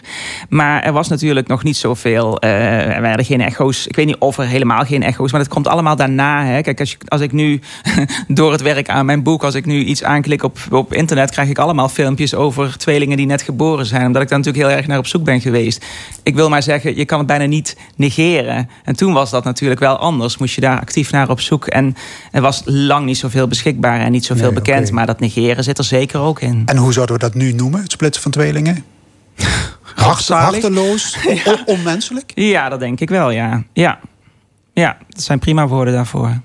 Je beschrijft het moment waarop uh, de nonnen die één eigen tweeling weghalen bij de moeder. Ja, twee eigen? Sorry, twee ja, eigen, precies. Dat is een hartverscheurende passage. Uh, dat opschrijven, was dat hard werk of kwam het er in einem Guss uit? Uh, uiteindelijk wat er staat, is er in één keer uitgekomen. Maar er zit heel veel werk, uh, gaat heel veel aan vooraf. Je, zegt net ook van, ik, ik heb me in al die mensen verplaatst. Daar zit de tijd in. Dat ik, dat ik uh, me verplaats in iemand dat ik helemaal probeer op te roepen van hoe, heeft, hoe is dat geweest? Hoe, wat heb je gedacht? Wat heb je gevoeld? Hoe was dat in je lijf? Hoe heeft je omgeving daarop gereageerd? Dat gaat er allemaal aan vooraf. En als ik dat allemaal heb doorlopen en daar zit geen, geen tijd op of geen methode of zo. Dat is iets wat, wat heel natuurlijk intuïtief moet verlopen. Dan komt het er meestal wel in één beweging uit. En daar ga ik dan ook echt wel voor zitten. Je bent zelf moeder. Ja. Scheelt dat? Uh, ik denk het wel. Ik denk het in, in, in deze roman wel. En ik denk dat vooral omdat ik me realiseer... Ja, je hebt gewoon in je eigen leven... Je hebt je een bereik opgebouwd over waar je natuurlijk over kunt schrijven. En deels heeft dat te maken met wat je gelezen hebt, deels heeft dat te maken met hoe je in elkaar zit, deels heeft dat te maken met wat je zelf hebt meegemaakt. En uh, ik denk wel dat ik dit stuk daar heel makkelijk in kan pakken. En ik realiseerde me dat ook, omdat ik uh, toen ik de tweeling hoorde over het elkaar voor de eerste keer zien en, en voor alles wat het opriep toen zij hoorde ik heb een tweelingzus, toen realiseerde ik me ik had dit zonder jullie verhalen niet helemaal kunnen bereiken. Dus daar moet je altijd wel alert op zijn. Van heb, je, heb je het helemaal in je pakket of is het iets uh, wat, wat, wat je net niet past en wat je net niet kan bereiken? Ja. Dat moet je natuurlijk omzeilen. Ja. Mag, ik het een, mag ik het een psychologische roman noemen? Ja, dat mag. Ja. ja. Trouwens, het personeel van de Vroedvrouwenschool in Heerlen, dat bleek later uh, allemaal, heeft zich daar trouwens erg tegen verzetten. De hele afdeling kwam in opstand. Ja. Maar dat mocht allemaal niet, niet baten. Die, die zusters nee, waren. Nee. nee. ik heb werkelijk mensen gesproken die daar op dat moment gewerkt hebben. Ook, ook mensen die, die bijna bij deze bevalling, uh, iemand die bijna bij deze bevalling is geweest. Mensen die later die, uh, gewerkt hebben op de afdeling waar de kinderen die werden afgestaan, werden opgevangen. Uh, nee, dat was, een, was een groot systeem waar je je moeilijk tegen kon verzetten. Waarom moest de moeder in het boek haar tweeling eigenlijk afstaan? Omdat haar vader zich doodschaamde voor die zwangerschap is de meest compacte Want? omschrijving. Nou, omdat in, in, in die tijd in, in Zuid-Limburg het Roomse geloof zo'n stempel op alles drukte. Dat uh, de schande niet. Dit was een ongetrouwde moeder. Dit was een ongetrouwde Ja. moeder, ja. En de vader was een Griekse gastarbeider. Ja, ja. Die op een gegeven moment terugging naar Griekenland. ook niet. Ja, Nee. Griek. Ja. Ehm, en die wist niet of geloofde niet dat hij zijn Limburgse vriendin had bezwangerd. Ja, ja. En daar had hij redenen voor. Dus als ik het goed gedaan heb, dan heb ik dat zo beschreven dat je met allebei kan meegaan. Dat je kan begrijpen waarom zij het contact zoekt en het idee heeft dat ze het duidelijk heeft overgebracht. Maar ook dat hij het niet heeft opgevat. Ik, bedoel, ik wil er niet al te veel over zeggen, Ja, ja, ja. want dan klap ik te veel. Maar als ik het goed gedaan heb, dan heb je die twee sporen allebei. Ja, maar een ongehuwde moeder in het katholieke Limburg van de jaren 50, 60. Ja, dat was een grote schande. Dat was een grote schande, blijkbaar. Ja. ja. En dan verdween je een tijdje uit de gemeenschap. Ja. Eh, je beviel. Ja. Je moest het afstaan. En dan kwam je weer terug in het dorp. Alsof, er niks gebeurd niks was. gebeurd was. En je was niet de enige. Hè? Dus dat, dat vind ik ook iets onvoorstelbaars. Iedereen weet hoe het werkt. Iedereen weet wat er gebeurt als iemand zogenaamd een betrekking aanneemt elders voor zes maanden. En, en, en toch eh, accepteren ze dat. Ook, ook Eén groot stilzwijgen. Eén groot stilzwijgen. Eén van de twee eh, wordt geadopteerd opgehaald uit de vroedvrouwenschool, maar niemand mag het weten. Dus die, dat begin van het leven wordt in gang gezet alsof dat kind werkelijk eh, gewoon geboren is in dat huis. Alsof die moeder. Terwijl iedereen heeft gezien dat daar niemand zwanger was. Iedereen heeft gezien dat dat kind al lang niet meer net geboren was. Maar toch is er dan een andere laag waarin iedereen dat spelletje mee heeft uh, gespeeld. Maar dat moet toch voor elke moeder een diepe traumatische ervaring ja, hebben maar er zijn er niet, zo, niet voor niks zoveel onder, aan onderdoor gegaan. Dat is, dat is onmenselijk. En die worden dan opgenomen in het zogenoemde doorgangshuis Mhm. van uh, de vroedvrouwenschool. Dat was een aparte afdeling. Ja. En noemt dat doorgangshuis voor jonge meisjes het troetelkindje van de kerk. Ja, omdat dat natuurlijk voor, voor de kerk uh, een manier was om, om dit probleem op te lossen. Want natuurlijk werden er wel jonge meisjes zwanger. Maar het mocht niet. Ja, hoe los je dat op? Ja. En, en, en daarom heb ik dat het troetelkindje genoemd. Omdat dat uh, ook een fijn woord was hier. Ja. Ja. Die uh, adoptieouders in het boek, althans één van de twee... die zijn akkoord gegaan met die splitsing. Ja. Ze hadden ook kunnen zeggen, we willen ze allebei... of anders, of anders hoeft het niet. Ja, maar ik hoop dat ik dat ook duidelijk heb neergezet waarom dat, dat anders gelopen is. Het, uh, zoiets heeft ook. Kijk, dat is, dat is een, een, een, redenering die je achteraf heel correct daarop kan leggen. Hè? Maar als je daar middenin zit en, en je wordt. Uh, de kerk heeft de macht, de Raad voor de Kinderbescherming heeft de macht. Mensen zijn nog veel minder mondig, veel minder. Uh, ja, moet dat zeggen? ja, ze hebben gewoon veel minder te zeggen. Dat is twee keer hetzelfde. Maar ja, en dan gaat dat in stukjes. Dan, dan ligt het er ook maar net aan hoe dat gebracht wordt. Als je iemand op de vrouw af of op de man afvraagt van... vind jij dan een tweeling gesplitst mag worden? Nee. nee, je kunt het lezen. Zij ook, nee, nooit. Maar er speelt veel meer. En uh, ik hoop dat ik daar ook uh, in geslaagd ben om dat, om dat uh, menselijk te brengen. Ja, en, wat, wat, wat ook meespeelt is kinderloosheid ja, in de jaren zestig. Ja. Dat, dat, ja, daarmee viel je uit de toon, hè? Ja, ja, veel meer nog dan nu natuurlijk. En, en je kon ook niks met dat verlangen. Ik bedoel, nu kun je allerlei stappen zetten. Je kunt allerlei dingen proberen. Uh, je, kon niks. Het was, je had het maar te accepteren. Tenzij je een kind adopteerde. was natuurlijk ook nog een heel, heel pril fenomeen. Ja. Maar dat was de enige oplossing. Ja. Zou je een fragment uit je ja. boek willen voorlezen? Uit de onbedoelden pagina 51. Ja, dat gaat over het stukje dat uh, een van de adoptiestellen uh, voor het eerst met adoptie over adoptie hoort. Adopteren. Het was een totaal nieuw woord voor ze. Een woord waarmee ze zowel hun kinderwens als ook de kuil vol schaamte konden vullen. Schaamte, ja. Het kan geen kwaad dat woord stevig neer te zetten. Want hun kinderloosheid drukte een stempel. Hun voordeur was de enige in de straat waar geen touwtje uit de brievenbus hing. Hun voortuin de enige zonder sneeuwpop in de winter. En iedere zondag, als ze naar de kerk liepen, voelden ze zich bekeken als het stel waarbij het niet lukt. Maar niemand stelde vragen. Niemand klopte geruststellend op Koos schouder. En kerstverse moeders kwamen schaamteloos bij Fien langs om hun nieuwe telg te laten bewonderen. Hun ongewenste kinderloosheid werd totaal verzwegen, was volledig ondergronds gegaan en Koos en Fien besloten de oplossing daar ook te huisvesten.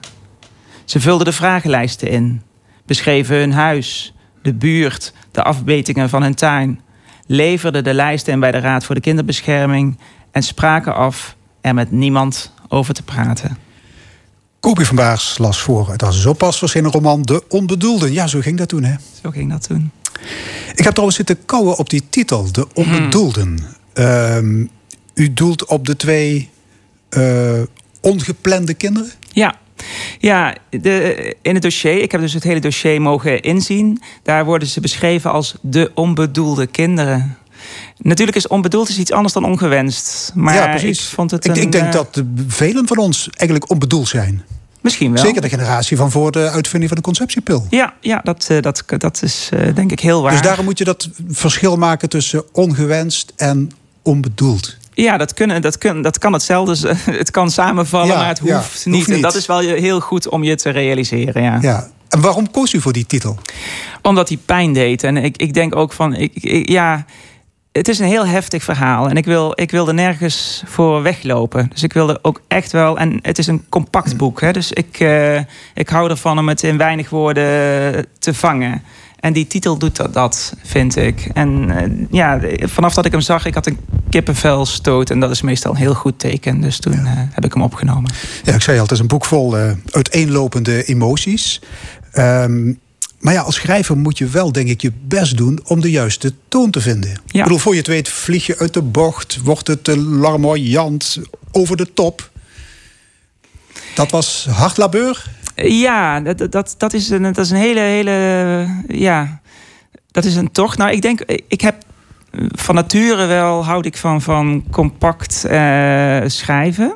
Dus dat is dan wel een voordeel. En ik houd ook niet van, in, tenminste in, in kunst helemaal niet van sentimentaliteit. Dus dat, dat helpt ook enorm. Het moet een beetje geserreerd zijn. Ja, ja, en er mag ook een heel klein tikje humor in zitten mm. voor mij. Maar dat was inderdaad wel puzzelen. En daarom heb ik ook die vertelstem in het leven geroepen... die zich op de eerste pagina meldt. De verteller heeft een actieve rol. Ja, dat is wel verrassend dat er af en toe een, een, een verteller in het boek opduikt. Ja. En er staat er bijvoorbeeld...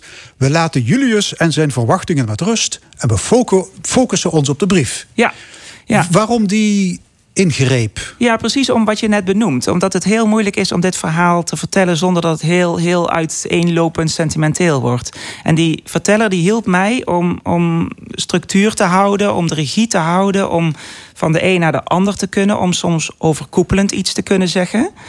En uh, dat had ik, als ik in die personages was gebleven had ik veel minder ruimte gehad. En daar komt bij, maar dat geldt. Uh, ik, ik, ik ben een oeuvre-schrijver en ik wil iedere keer iets anders doen. En in mijn vorige boek heb ik ook een wisselend perspectief gehad. Maar daar had ik iedere keer uh, vanuit één persoon, in het ik, uh, vanuit het ik-personage geschreven. Dus alleen maar mensen met oogkleppen op. Ja. En dat had ik al gedaan. Dat was hier ook een manier geweest, maar dat, dat wilde ik niet. En ik ben heel blij dat ik dat met een andere roman heb gedaan. Want hier werkt juist die overkoepelende verteller veel ja. beter. Grappig dat je dat als schrijver zelf creëert. Ja, ja, ja, ik wil wel telkens iets nieuws. Ik ja. wil dat ik hier iets met de, met de werkelijkheid heb gedaan, is ook zo'n ding. Hiervoor deed ik iets met uh, een verhaal uit de Bijbel of, of met een dichter. En volgende keer ga ik weer iets anders doen. Maar dat is zo'n thema wat ik dan pak van, ja, dat vind ik heel interessant. Ik wil kijken wat ik daarmee kan. Ja. Ik zal de afloop niet uh, verklappen. Nee, ik wil het boek niet, niet spoileren. Maar ik mag wel zeggen dat het een happy end heeft. Uh, alleen met de biologische moeder loopt het niet goed af. Nee. Is zij het slachtoffer van dit hele adoptiedrama? Ja, ik, ik, ik vind van wel. En um, ik denk ook, kijk, zij krijgt, zij, zij wil het woord ook niet in het boek. Zij, zij heeft inmiddels ook zoiets van niemand luistert, er luistert toch niemand naar mij. Dus als uh, iemand sprak mij aan daarop, die was, had zelf een kind moeten afstaan. En die zei van ze krijgt ook hier het woord niet. En ik, ja, dan is dus precies gelukt wat ik wil. Ja. Van je mag de frustratie voelen, wat je nu ook uitspreekt van zij zij heeft helemaal geen ruimte gekregen. Helemaal niet. Um, de weerbarstige waarheid. Dat is een term die regelmatig in het boek uh, terugkeert, hè? Ja, dat is het uh, motto. Het motto is van Armando. Ik kan het even voorlezen. En hoor, men verzon de weerbarstige waarheid. En dat is precies zoiets voor mij geweest als de onbedoelde. De, de, het woord toen ik die titel had was dit motto ook een enorme trigger. Omdat daar een hele rare kronkel in zit van verzinnen en waarheid en weerbarstig. Je komt er niet, je kunt er heel lang over denken. Maar hij vat eigenlijk de hele roman samen. Ik bedoel, er zijn dingen verzonnen. Er zijn dingen in gang gezet. Maar de waarheid meldt zich. En, en ook in het verhaal, hè, in de loop van het verhaal. Die, wat, wat mensen ook verzinnen, wat ze ook neerzetten. De waarheid zelf meldt zich keer op keer. En dat is natuurlijk ook wel wat ik gebruik, gebruikt heb in het voorwoord. Om, ja, dat hij uiteindelijk dan een schrijver op de schouder tikt. Van doe jij het dan maar. Maar iemand moet dit allemaal bij elkaar brengen. Iemand ja. moet dit verhaal vertellen. De recensies zijn unaniem lovend. Ja. Regionaal, landelijk. Dat, dat moet je goed doen. Ja, dat is ontzettend fijn. Want het is toch steeds weer afwachten hè? Ja, hoe de, de recensenten erop zullen reageren. Ja, dat, dat, je hebt geen idee. En, en, mijn vorige boek verscheen midden in corona. En er was ook alles weer anders voor. En nu, uh, ja, nu prachtig. En het valt me ook op, de recensies zijn van zichzelf ook heel mooi. Allemaal goed gelezen, goed gecomponeerd, goed geschreven. Ja, daar word ik heel blij van. Geen, geen flutstukjes? Nee, niks. Uh, nog iets van Hanno Uitenboga. Is net het boek Ankerloos verschenen. Het is een persoonlijk verhaal van zijn adoptie. Op de televisie loopt de serie De Afhaal Chinees. Je hebt nog Spoorloos. Is adoptie opeens een modieus thema? Het, het krijgt wel de aandacht. Uh, en dat is denk ik ook wel heel goed. En uh, de, de, de, aanleiding is niet goed, want dat gaat ook vaak, is vaak uh, omdat er misstanden aan ten grondslag liggen. Ja. Maar ik denk ook de mensen die dat is overkomen. Kijk, de, de moeders die het is overkomen destijds. Ik blijf heel even dicht bij dit verhaal ja, die leven nog en die, die, die merken ook, tenminste, ik heb er een paar gesproken van, je, ze krijgen het, het kan niet weg. Ze blijven daarmee zitten. Dus dat heb je. De, de kinderen die uh, hebben inmiddels ook hun leven opgebouwd. Dus ik denk ook dat het met de leeftijd van iedereen te maken heeft. En met de kans om je te uiten. En uh, er zullen een paar dingen bij elkaar gekomen zijn. Maar... Je ziet er veel over. Ja, dat is je vierde roman in zes jaar tijd. Het begint een uh, oeuvre te worden. Hè? Ja. Je noemde jezelf ook net een oeuvre-schrijver. Ja, ja, ja, ja, ja. Ik, ik ben iemand die uh, graag uh, langzaam op stoom komt en dan, dan door. Oké. Okay. Kobi van Baars, hartelijk dank. De Onbedoelden is verschenen bij uitgeverij Atlas Contact. Zo dadelijk, de column van uh, Hugo Luiten. Maar eerst muziek van uh, Demos Roussos. En daar is over nagedacht. Want de Griekse Bart komt een uh, paar keer ter sprake in De Onbedoelde. My Friend the Wind.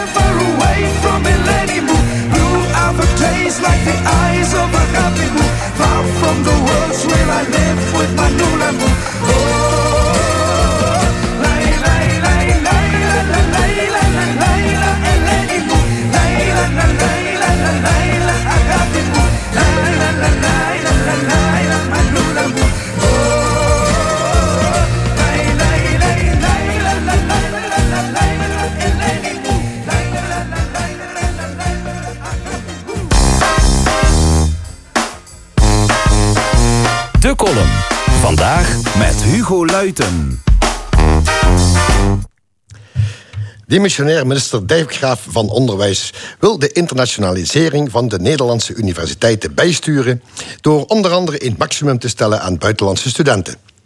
Nu lokken wij die hier massaal naartoe en dat zorgt voor een academisch klimaat, maar daarnaast ook voor een hoop onnodige problemen.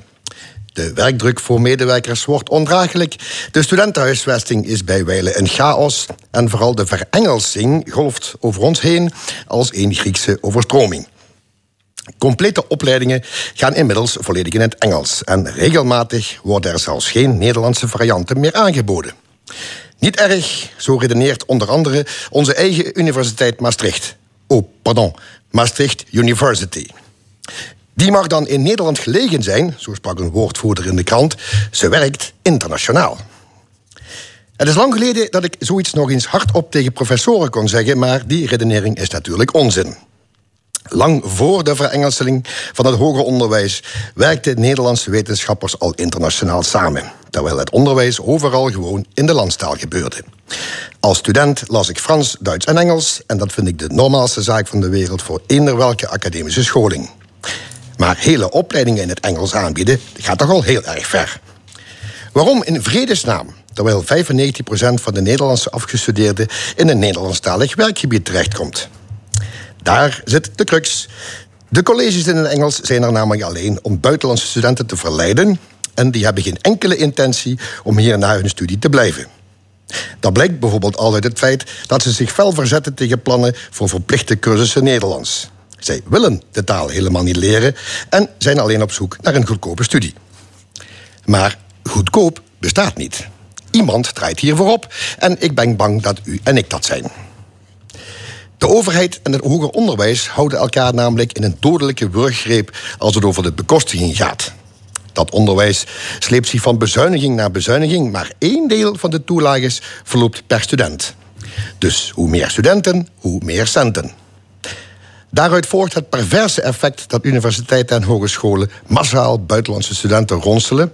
En het aldus binnengehakte geld verdwijnt vervolgens in de Bermuda-driehoek van hun huishoudboekje.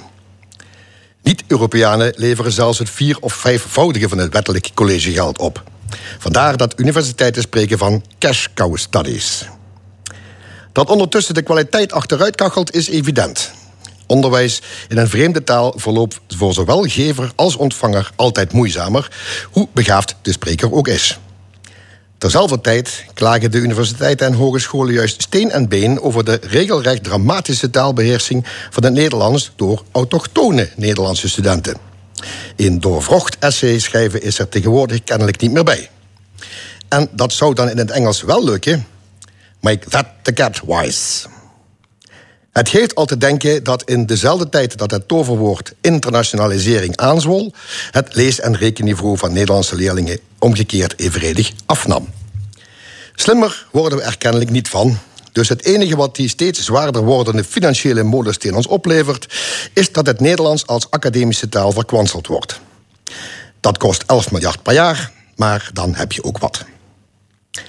Het economisch rendementsdenken waar Nederland in gemarineerd is, lijkt hier in elk geval totaal afwezig. Hoe anders gaat dat 25, 25 kilometer verderop in Heerlen, waar ziekenhuisbestuurders met banken en verzekeraars praten over het ontmantelen van het enig overgebleven ziekenhuis. In een regio waar 250.000 mensen wonen, met veel kansarmoede en immobiliteit. Waarom hier ineens wel het economisch rendement onverantwoordelijk zwaar doorweegt, is een wetenschappelijk onderzoek waard. En voor deze ene keer mag dat van mij in het Engels. De column was dat van Hugo Luiten. We gaan verder in de stemming met een onze discussiepanels. Vandaag over de Tweede Kamerverkiezingen, over statiegeldblikjes en de A12-blokkades. Ik heet van harte welkom ondernemer Nele Valkeneers, docent Luc Wienans en publicist Armo Leenaars. Goedemiddag allemaal. Uh, laten we beginnen met de, de, de Tweede Kamerlijsten, de conceptlijsten van de partijen. Uh, als Limburgers kijken we dan altijd waar staan de Limburgers. Is dat belangrijk? Nele? Ja, mijn god, uh, absoluut. Het valt een beetje tegen natuurlijk. Hè. Uh, we zijn uh, weer zwaar onderbemand of bevrouwd. Hè. Daar moet je tegenwoordig een klein beetje mee opletten hoe je dat noemt. Ehm, ik denk dat het waanzinnig belangrijk is. Uh, als je, zeker als Belg, ik woon ondertussen al dik 20 jaar in Nederland, maar je blijft toch wel die Belg, hè, die Limburgse Belg. Uh, ik denk dat er geen regio zo onderhevig is aan de cultuurverschillen en het, het trots zijn op waar je vandaan komt dan Limburg. En dan zie je toch dat net op die plek waar het land bestuurd gaat worden, waar meningen bij elkaar komen, waar visies ontworpen worden en uitgerold, ja, deze regio onderbelicht is. En we zijn altijd al een beetje het onderbelichte kindje. Dus ja, ik vind het waanzinnig belangrijk dat ja, onze Maar je kunt ook zeggen, de wetten die daar gemaakt worden in Den Haag, ja, gelden voor het hele land. Ja, ik, ik denk toch, als Limburg werk ik heel vaak in Den Haag, op het ministerie van Defensie bijvoorbeeld. Dan merk je ook die cultuurverschillen al in de manier van samenwerken alleen al. Dus laat staan op politiek gebied. Er zitten gewoon verschillen in de regio's. En als daar niet genoeg mensen zitten die dat onderkennen, dan zie je dat weer terug in het beleid. Dus jammer. Ja. ja. Luc Ja, nou, van de 150 Tweede Kamerleden komt twee derde uit Utrecht, Noord-Holland of Zuid-Holland. Uh, nou, de rest komt dus uit de provincie. Uh, en dat heeft ook in de, in de afgelopen maanden is dat wel duidelijk geworden. Dat die regio, die, die, het landelijke gebied, wordt vaak uh, gezegd, dat die zich ja, niet gehoord hebben gevoeld. als het gaat over stikstof, het boerenprotest. dat maakt dat natuurlijk wel allemaal duidelijk. de discussiepunten, bijvoorbeeld over de leefbaarheid op het platteland. of neem nou de politiesterkte in Limburg. Uh, nou, het is heel erg lastig als je te weinig Kamerleden hebt uit die regio om daar gehoor voor te vinden in, de, uh, in Den Haag. Uh, dus ik ben daar een groot voorstander van. ja, dat we met z'n allen ook zorgen dat daar verandering in komt. En, ja, maar ook deze lijsten, die nu de conceptlijsten van de politieke partijen, die gaan daar niet zo heel veel verandering in brengen, vrees ik, met grote vrezen. Nou, er staan niet zo heel veel Limburgers heel hoog. Ja, het ligt een beetje hoe je rekent natuurlijk. Ja. Het CDA uh, 8 en 12. Uh, Marlo Absil en Ralf Tieder uh, uit Beek. De VVD, daar staan wel twee, als je de opiniepeiling mag geloven, twee zeker verkiesbaar. Sylvio Erkens op 11, Wendy van Dijk, wethouder het Weert op 17. Ja. Dus daar uh, zou het wel kunnen. Uh, uh, Partij voor de Dieren, Frank Wassenberg. Zeker. Ik, ik kwam ja, tot een totaal van ongeveer 10. 10 Limburgers die kans maken op ja, een zetel als in Als je het naast de huidige kamer. opiniepeilingen legt. De vraag is wie ook Limburger noemt. Ja, Frans Timmermans. nou, dat is wel Wilder, Geert Wilder, Wilders. Geert Wilders. Limburger, maar... Ja, Lilian Helder. Uit Venlo, die nu bij de BBB weer uh, Tony van Dijk, op vijf staat. Die is verhuisd naar de Randstad. Ja. Maar goed, je kunt er lang en breed over hebben. Maar, maar het, het, het, ben je ermee eens, Amor, dat het, uh, dat het werkt? Om maar even nou, zo te ja, zeggen. ik kijk er toch wat anders tegenaan. Uh, ons systeem is natuurlijk... we hebben geen districtenstelsel. Hè? Zoals, er zijn ook landen waar je voor je eigen regio in het parlement zit... En daar ook dingen uh, geacht wordt binnen te halen voor je eigen achterban. En daar, op basis daarvan word je gekozen of niet. En dat is in Nederland niet zo. Uh, het is natuurlijk wel zo dat er enorm accent ligt op de Randstad. En ook op, het, op mensen met een ambtelijke politieke achtergrond. Hè, die burgemeester zijn geweest of op een ministerie hebben gewerkt. Noemen ze ook wel de Haagse kaastolp.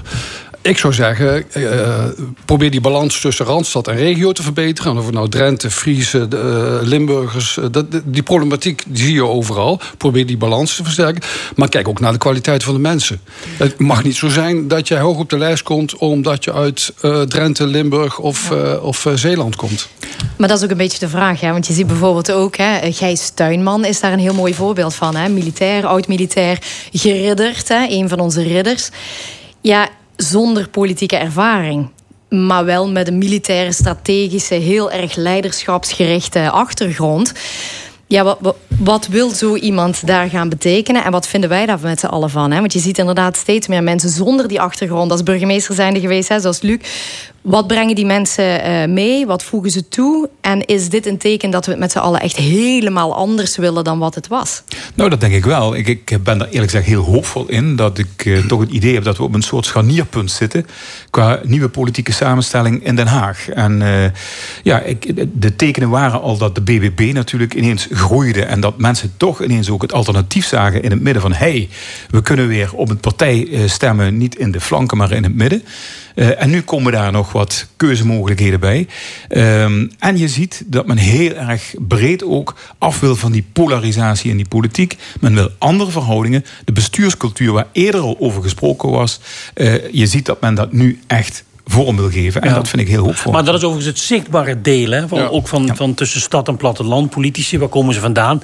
Maar de ambtenarij hè, dat zijn de mensen die blijven zitten, die alles voorbereiden, die Ja. er 10, 20 jaar zitten. Daar zit ook heel weinig regionale spreiding, hoor je wel eens. Ja. Is dat niet nog eigenlijk misschien nog wel een. een, een eh, jij duidt er ook wel een beetje op, Nelen, met als je met ambtenaren praat, hoe denken ze over samenwerking? Dat je daar ook al cultuurverschillen merkt.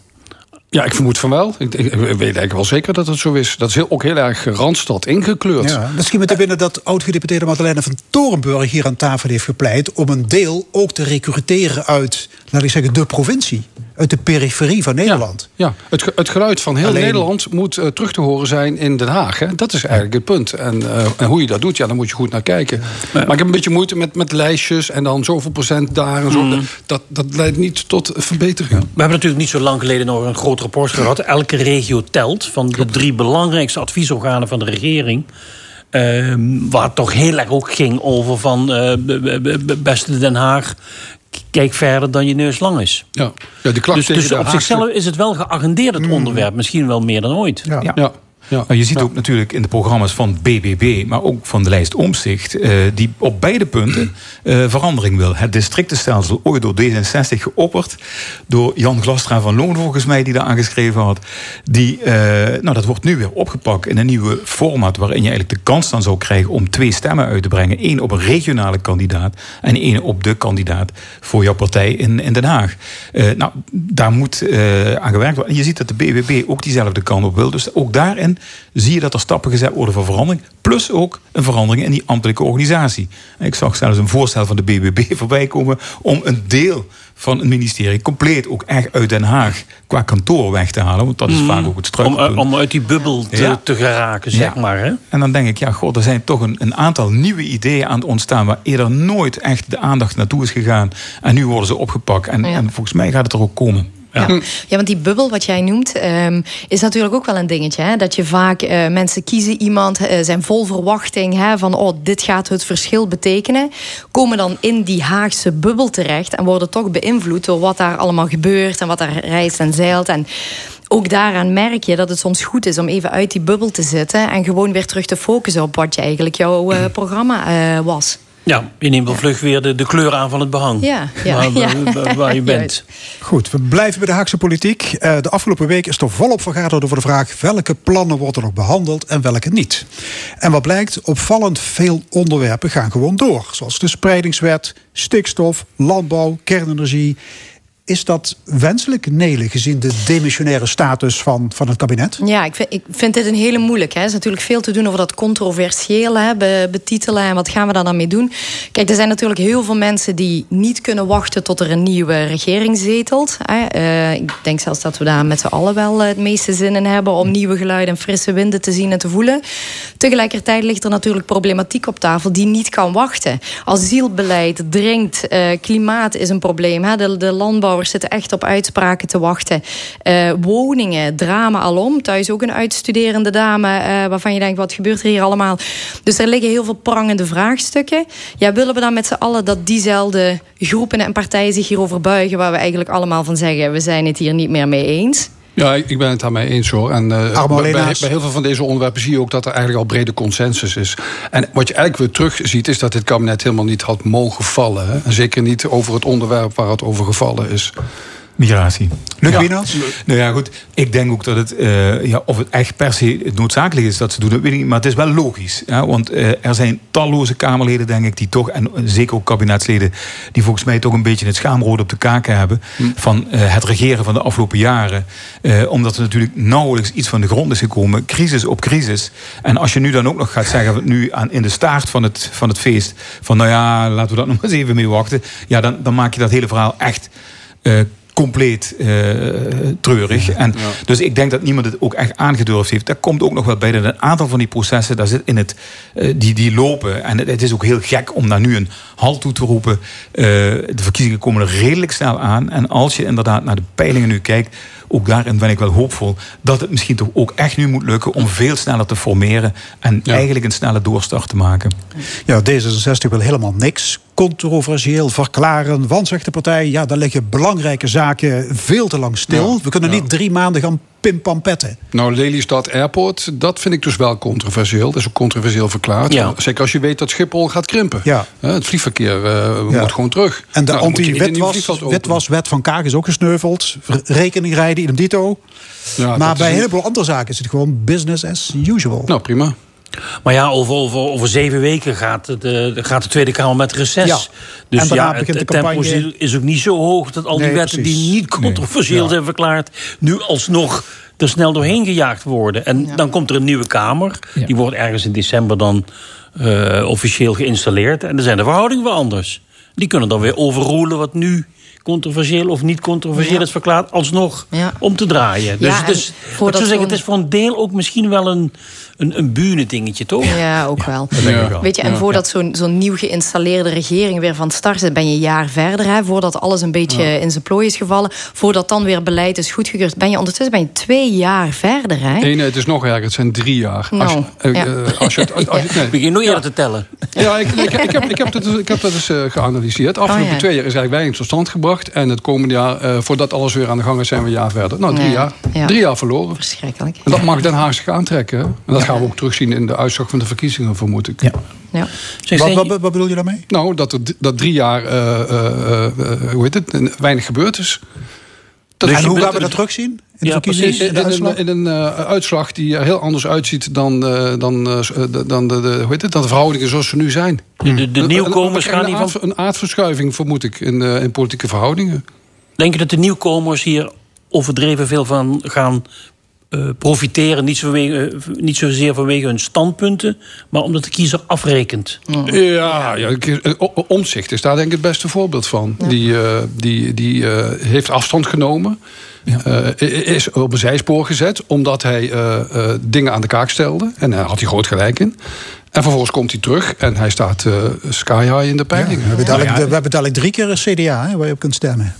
Ja, niet alleen beetje, dat. beetje veel van het goede misschien, of niet? Nou ja, goed. Ik, kijk, ik, ik denk dat eh, afgelopen jaar heb ik lesgegeven aan de eindexamenleerlingen. En dan hebben we het vaak gehad over ideologieën. En als we het daarover hadden, leek het wel alsof ik het over Napoleon of over de Romeinen had.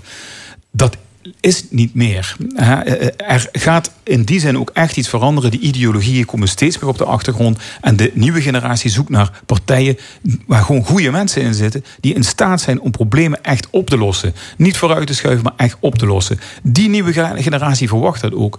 En eh, ook daarin ja, verwacht ik dat je dat heel duidelijk zichtbaar gaat krijgen. Eh, niet alleen bij deze verkiezingen, maar ook in de komende jaren. En ja, je ziet dat ook al bij GroenLinks en PvdA. Wie had het ooit gedacht, hè, jaren geleden, dat dat nu samen zou optrekken in deze verkiezingen? Ze doen het. Daarmee stappen ze ook over die schaduw heen van dat verleden. Van we hebben ergens nog een ideologie. We, gaan, we kijken vooruit en we hebben oplossingen te verzinnen voor de problemen die er liggen. En dat vind ik toch hele goede stappen. De toekomst is dan de makkers. Ja. Maar, Nou ja, maar, maar we hebben toch ook een verbindend verhaal nodig. We zijn toch ook een samenleving van mensen die iets eh, gemeenschappelijks hebben. Het is toch niet alleen maar zo van... we hebben hier een stel wetten en regels... en die moeten we eh, snel en efficiënt uitvoeren. Ja. Dat hoorde ik vanmorgen trouwens ook in het gesprek met eh, de kandidaten... die toch een technocratische benadering hebben als, als je het aan mij vraagt. Ja, ze zijn naar huis, dus ze kunnen niet vragen. Ja, ja, goed, er groot- grote problemen op te lossen allemaal. Ja, ja, ja. Jawel, maar dat doe je toch vanuit een bepaalde kijk op de samenleving. Maar Amor, ik denk dat dat heel erg te maken heeft met die reflex die er al zo lang in zit. Dat we alles in het systeem hebben willen gieten. En, en vanuit die patronen zijn gaan regeren en denken. Die wet is heilig. Niet de echte praktische oplossing. Eh, neem nou de toeslagenaffaire. Is precies dat verhaal. Eh, daar is het zo ontzettend op misgegaan. En eh, die menselijke maat moet gewoon terugkomen in, in, in dat hele debat, in, in die politiek. Ja. En dan denk ik dat we stappen vooruit Maar maken. wij moeten op Ja, een stukje emotie ook natuurlijk. Hè. Het wordt wat emotioneler, hè, want het, het woord technocratisch valt. Hè, dat, dat meer wat strategische benaderen. Mensen zoeken ook wat meer. Kijk naar een Pieter Omzicht. Hè. Ook daar, je hebt sympathie voor de man. Omwille van hè, wat er allemaal gebeurd is en wat er leeft, et cetera. Dus dat doet hij goed. Hij luistert naar wat er leeft en mensen reageren daarop. En zo zijn er wel meerdere natuurlijk. Dus dat, dat emotionele een beetje... Hè, eh, je zegt het al, Luc, eh, dat ideologische is wat minder geworden. Zeker bij de jeugd. Hè. Die zit al helemaal niet meer in die ideologische sferen. Je zit wat meer op emotie, wat meer op wat willen we nu.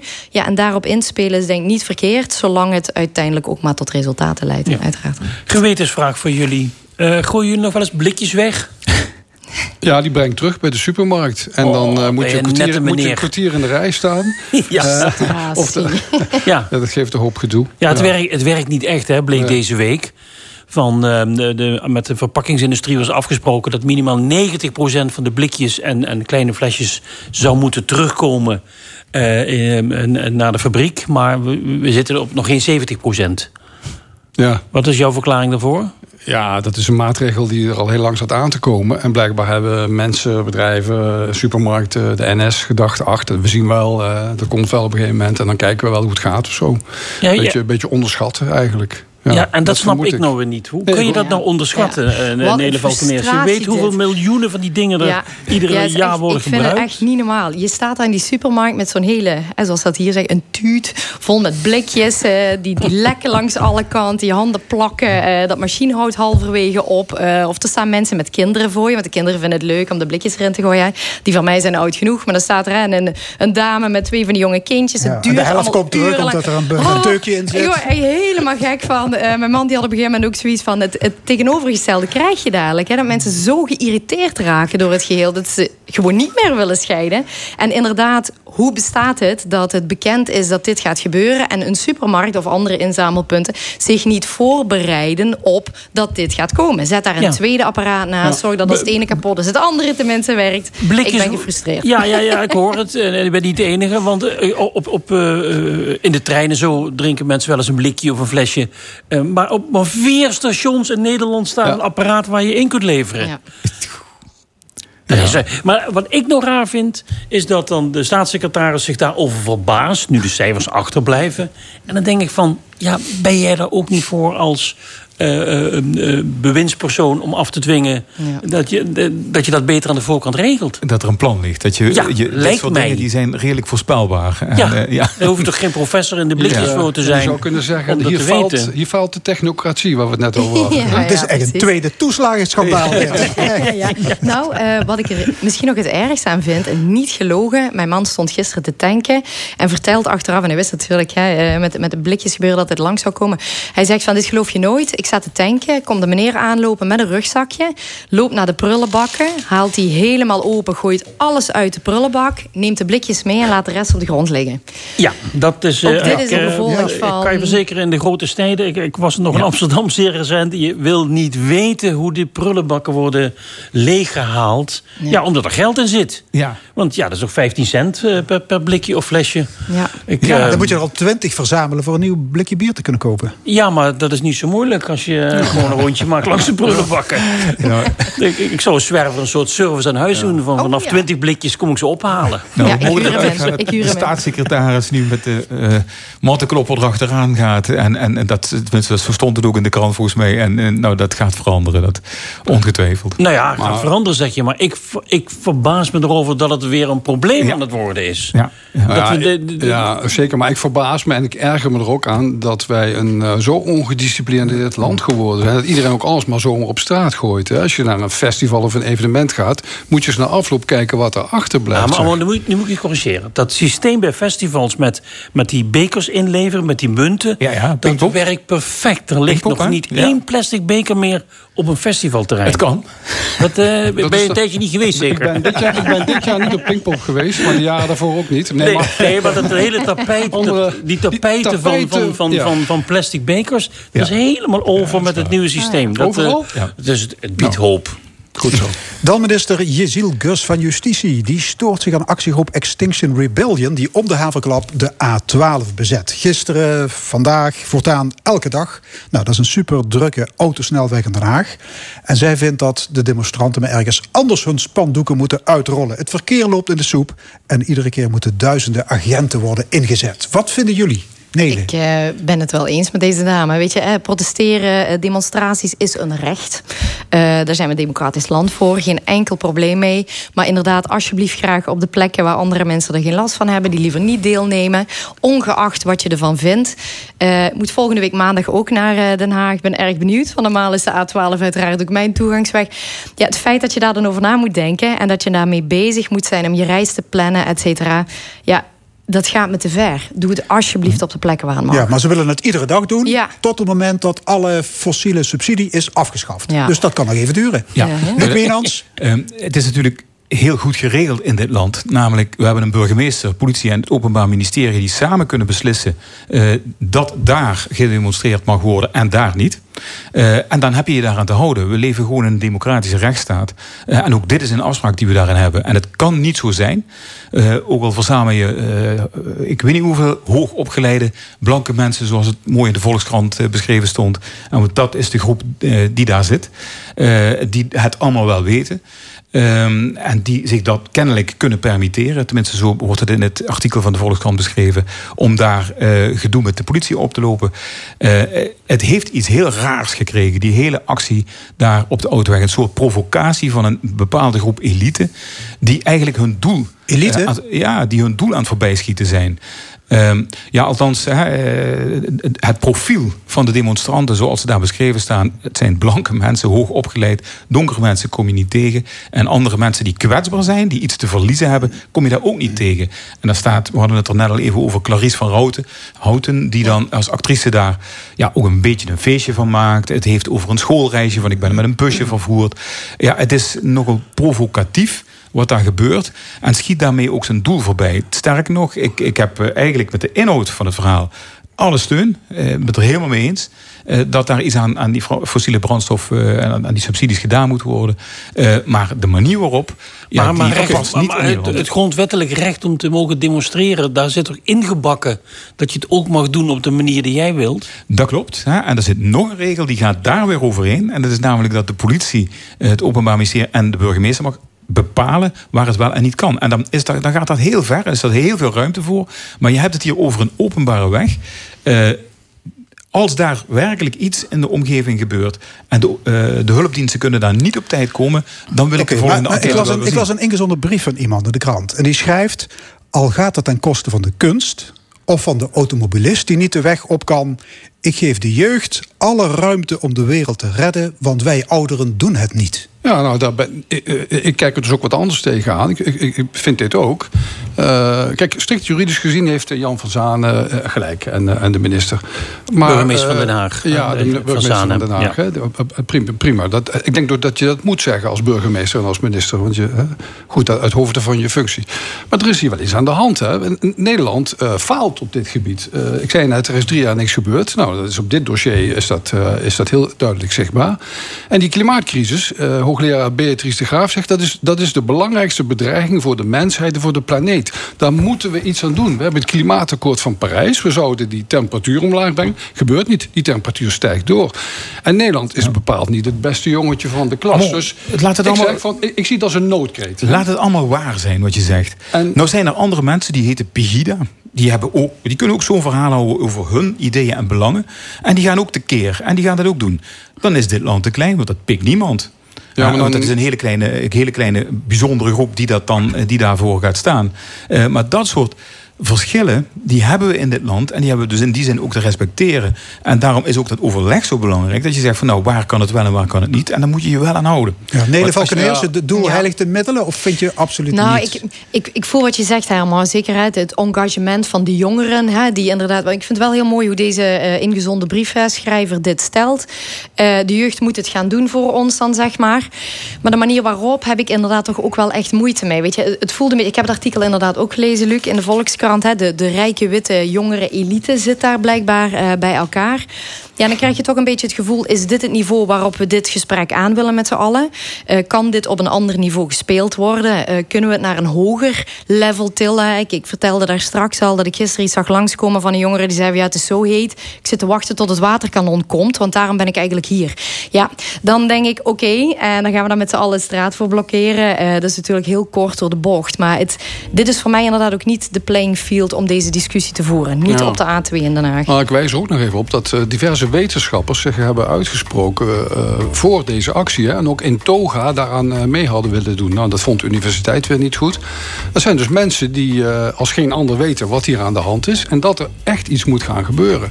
Dus nogmaals, ja, ik zie het als een, als een, bijna als een wanhoopsoffensief. Hartelijk dank. Discussiepanel vandaag met Nele Valkeneers, Armo Leenaars en Luc Wienans. Dit was uh, de stemming voor vandaag. Met, uh, gemaakt door Tino Holleman, Fons Gerards en Hoube. Graag tot volgende week zondag om uh, 11 uur. En dit programma is na te luisteren op onze website l1.nl en ook via podcast. Zometeen op deze zender Paul Verstegen met de zalige zondagmiddag. Ik wens u nog een hele mooie zondag.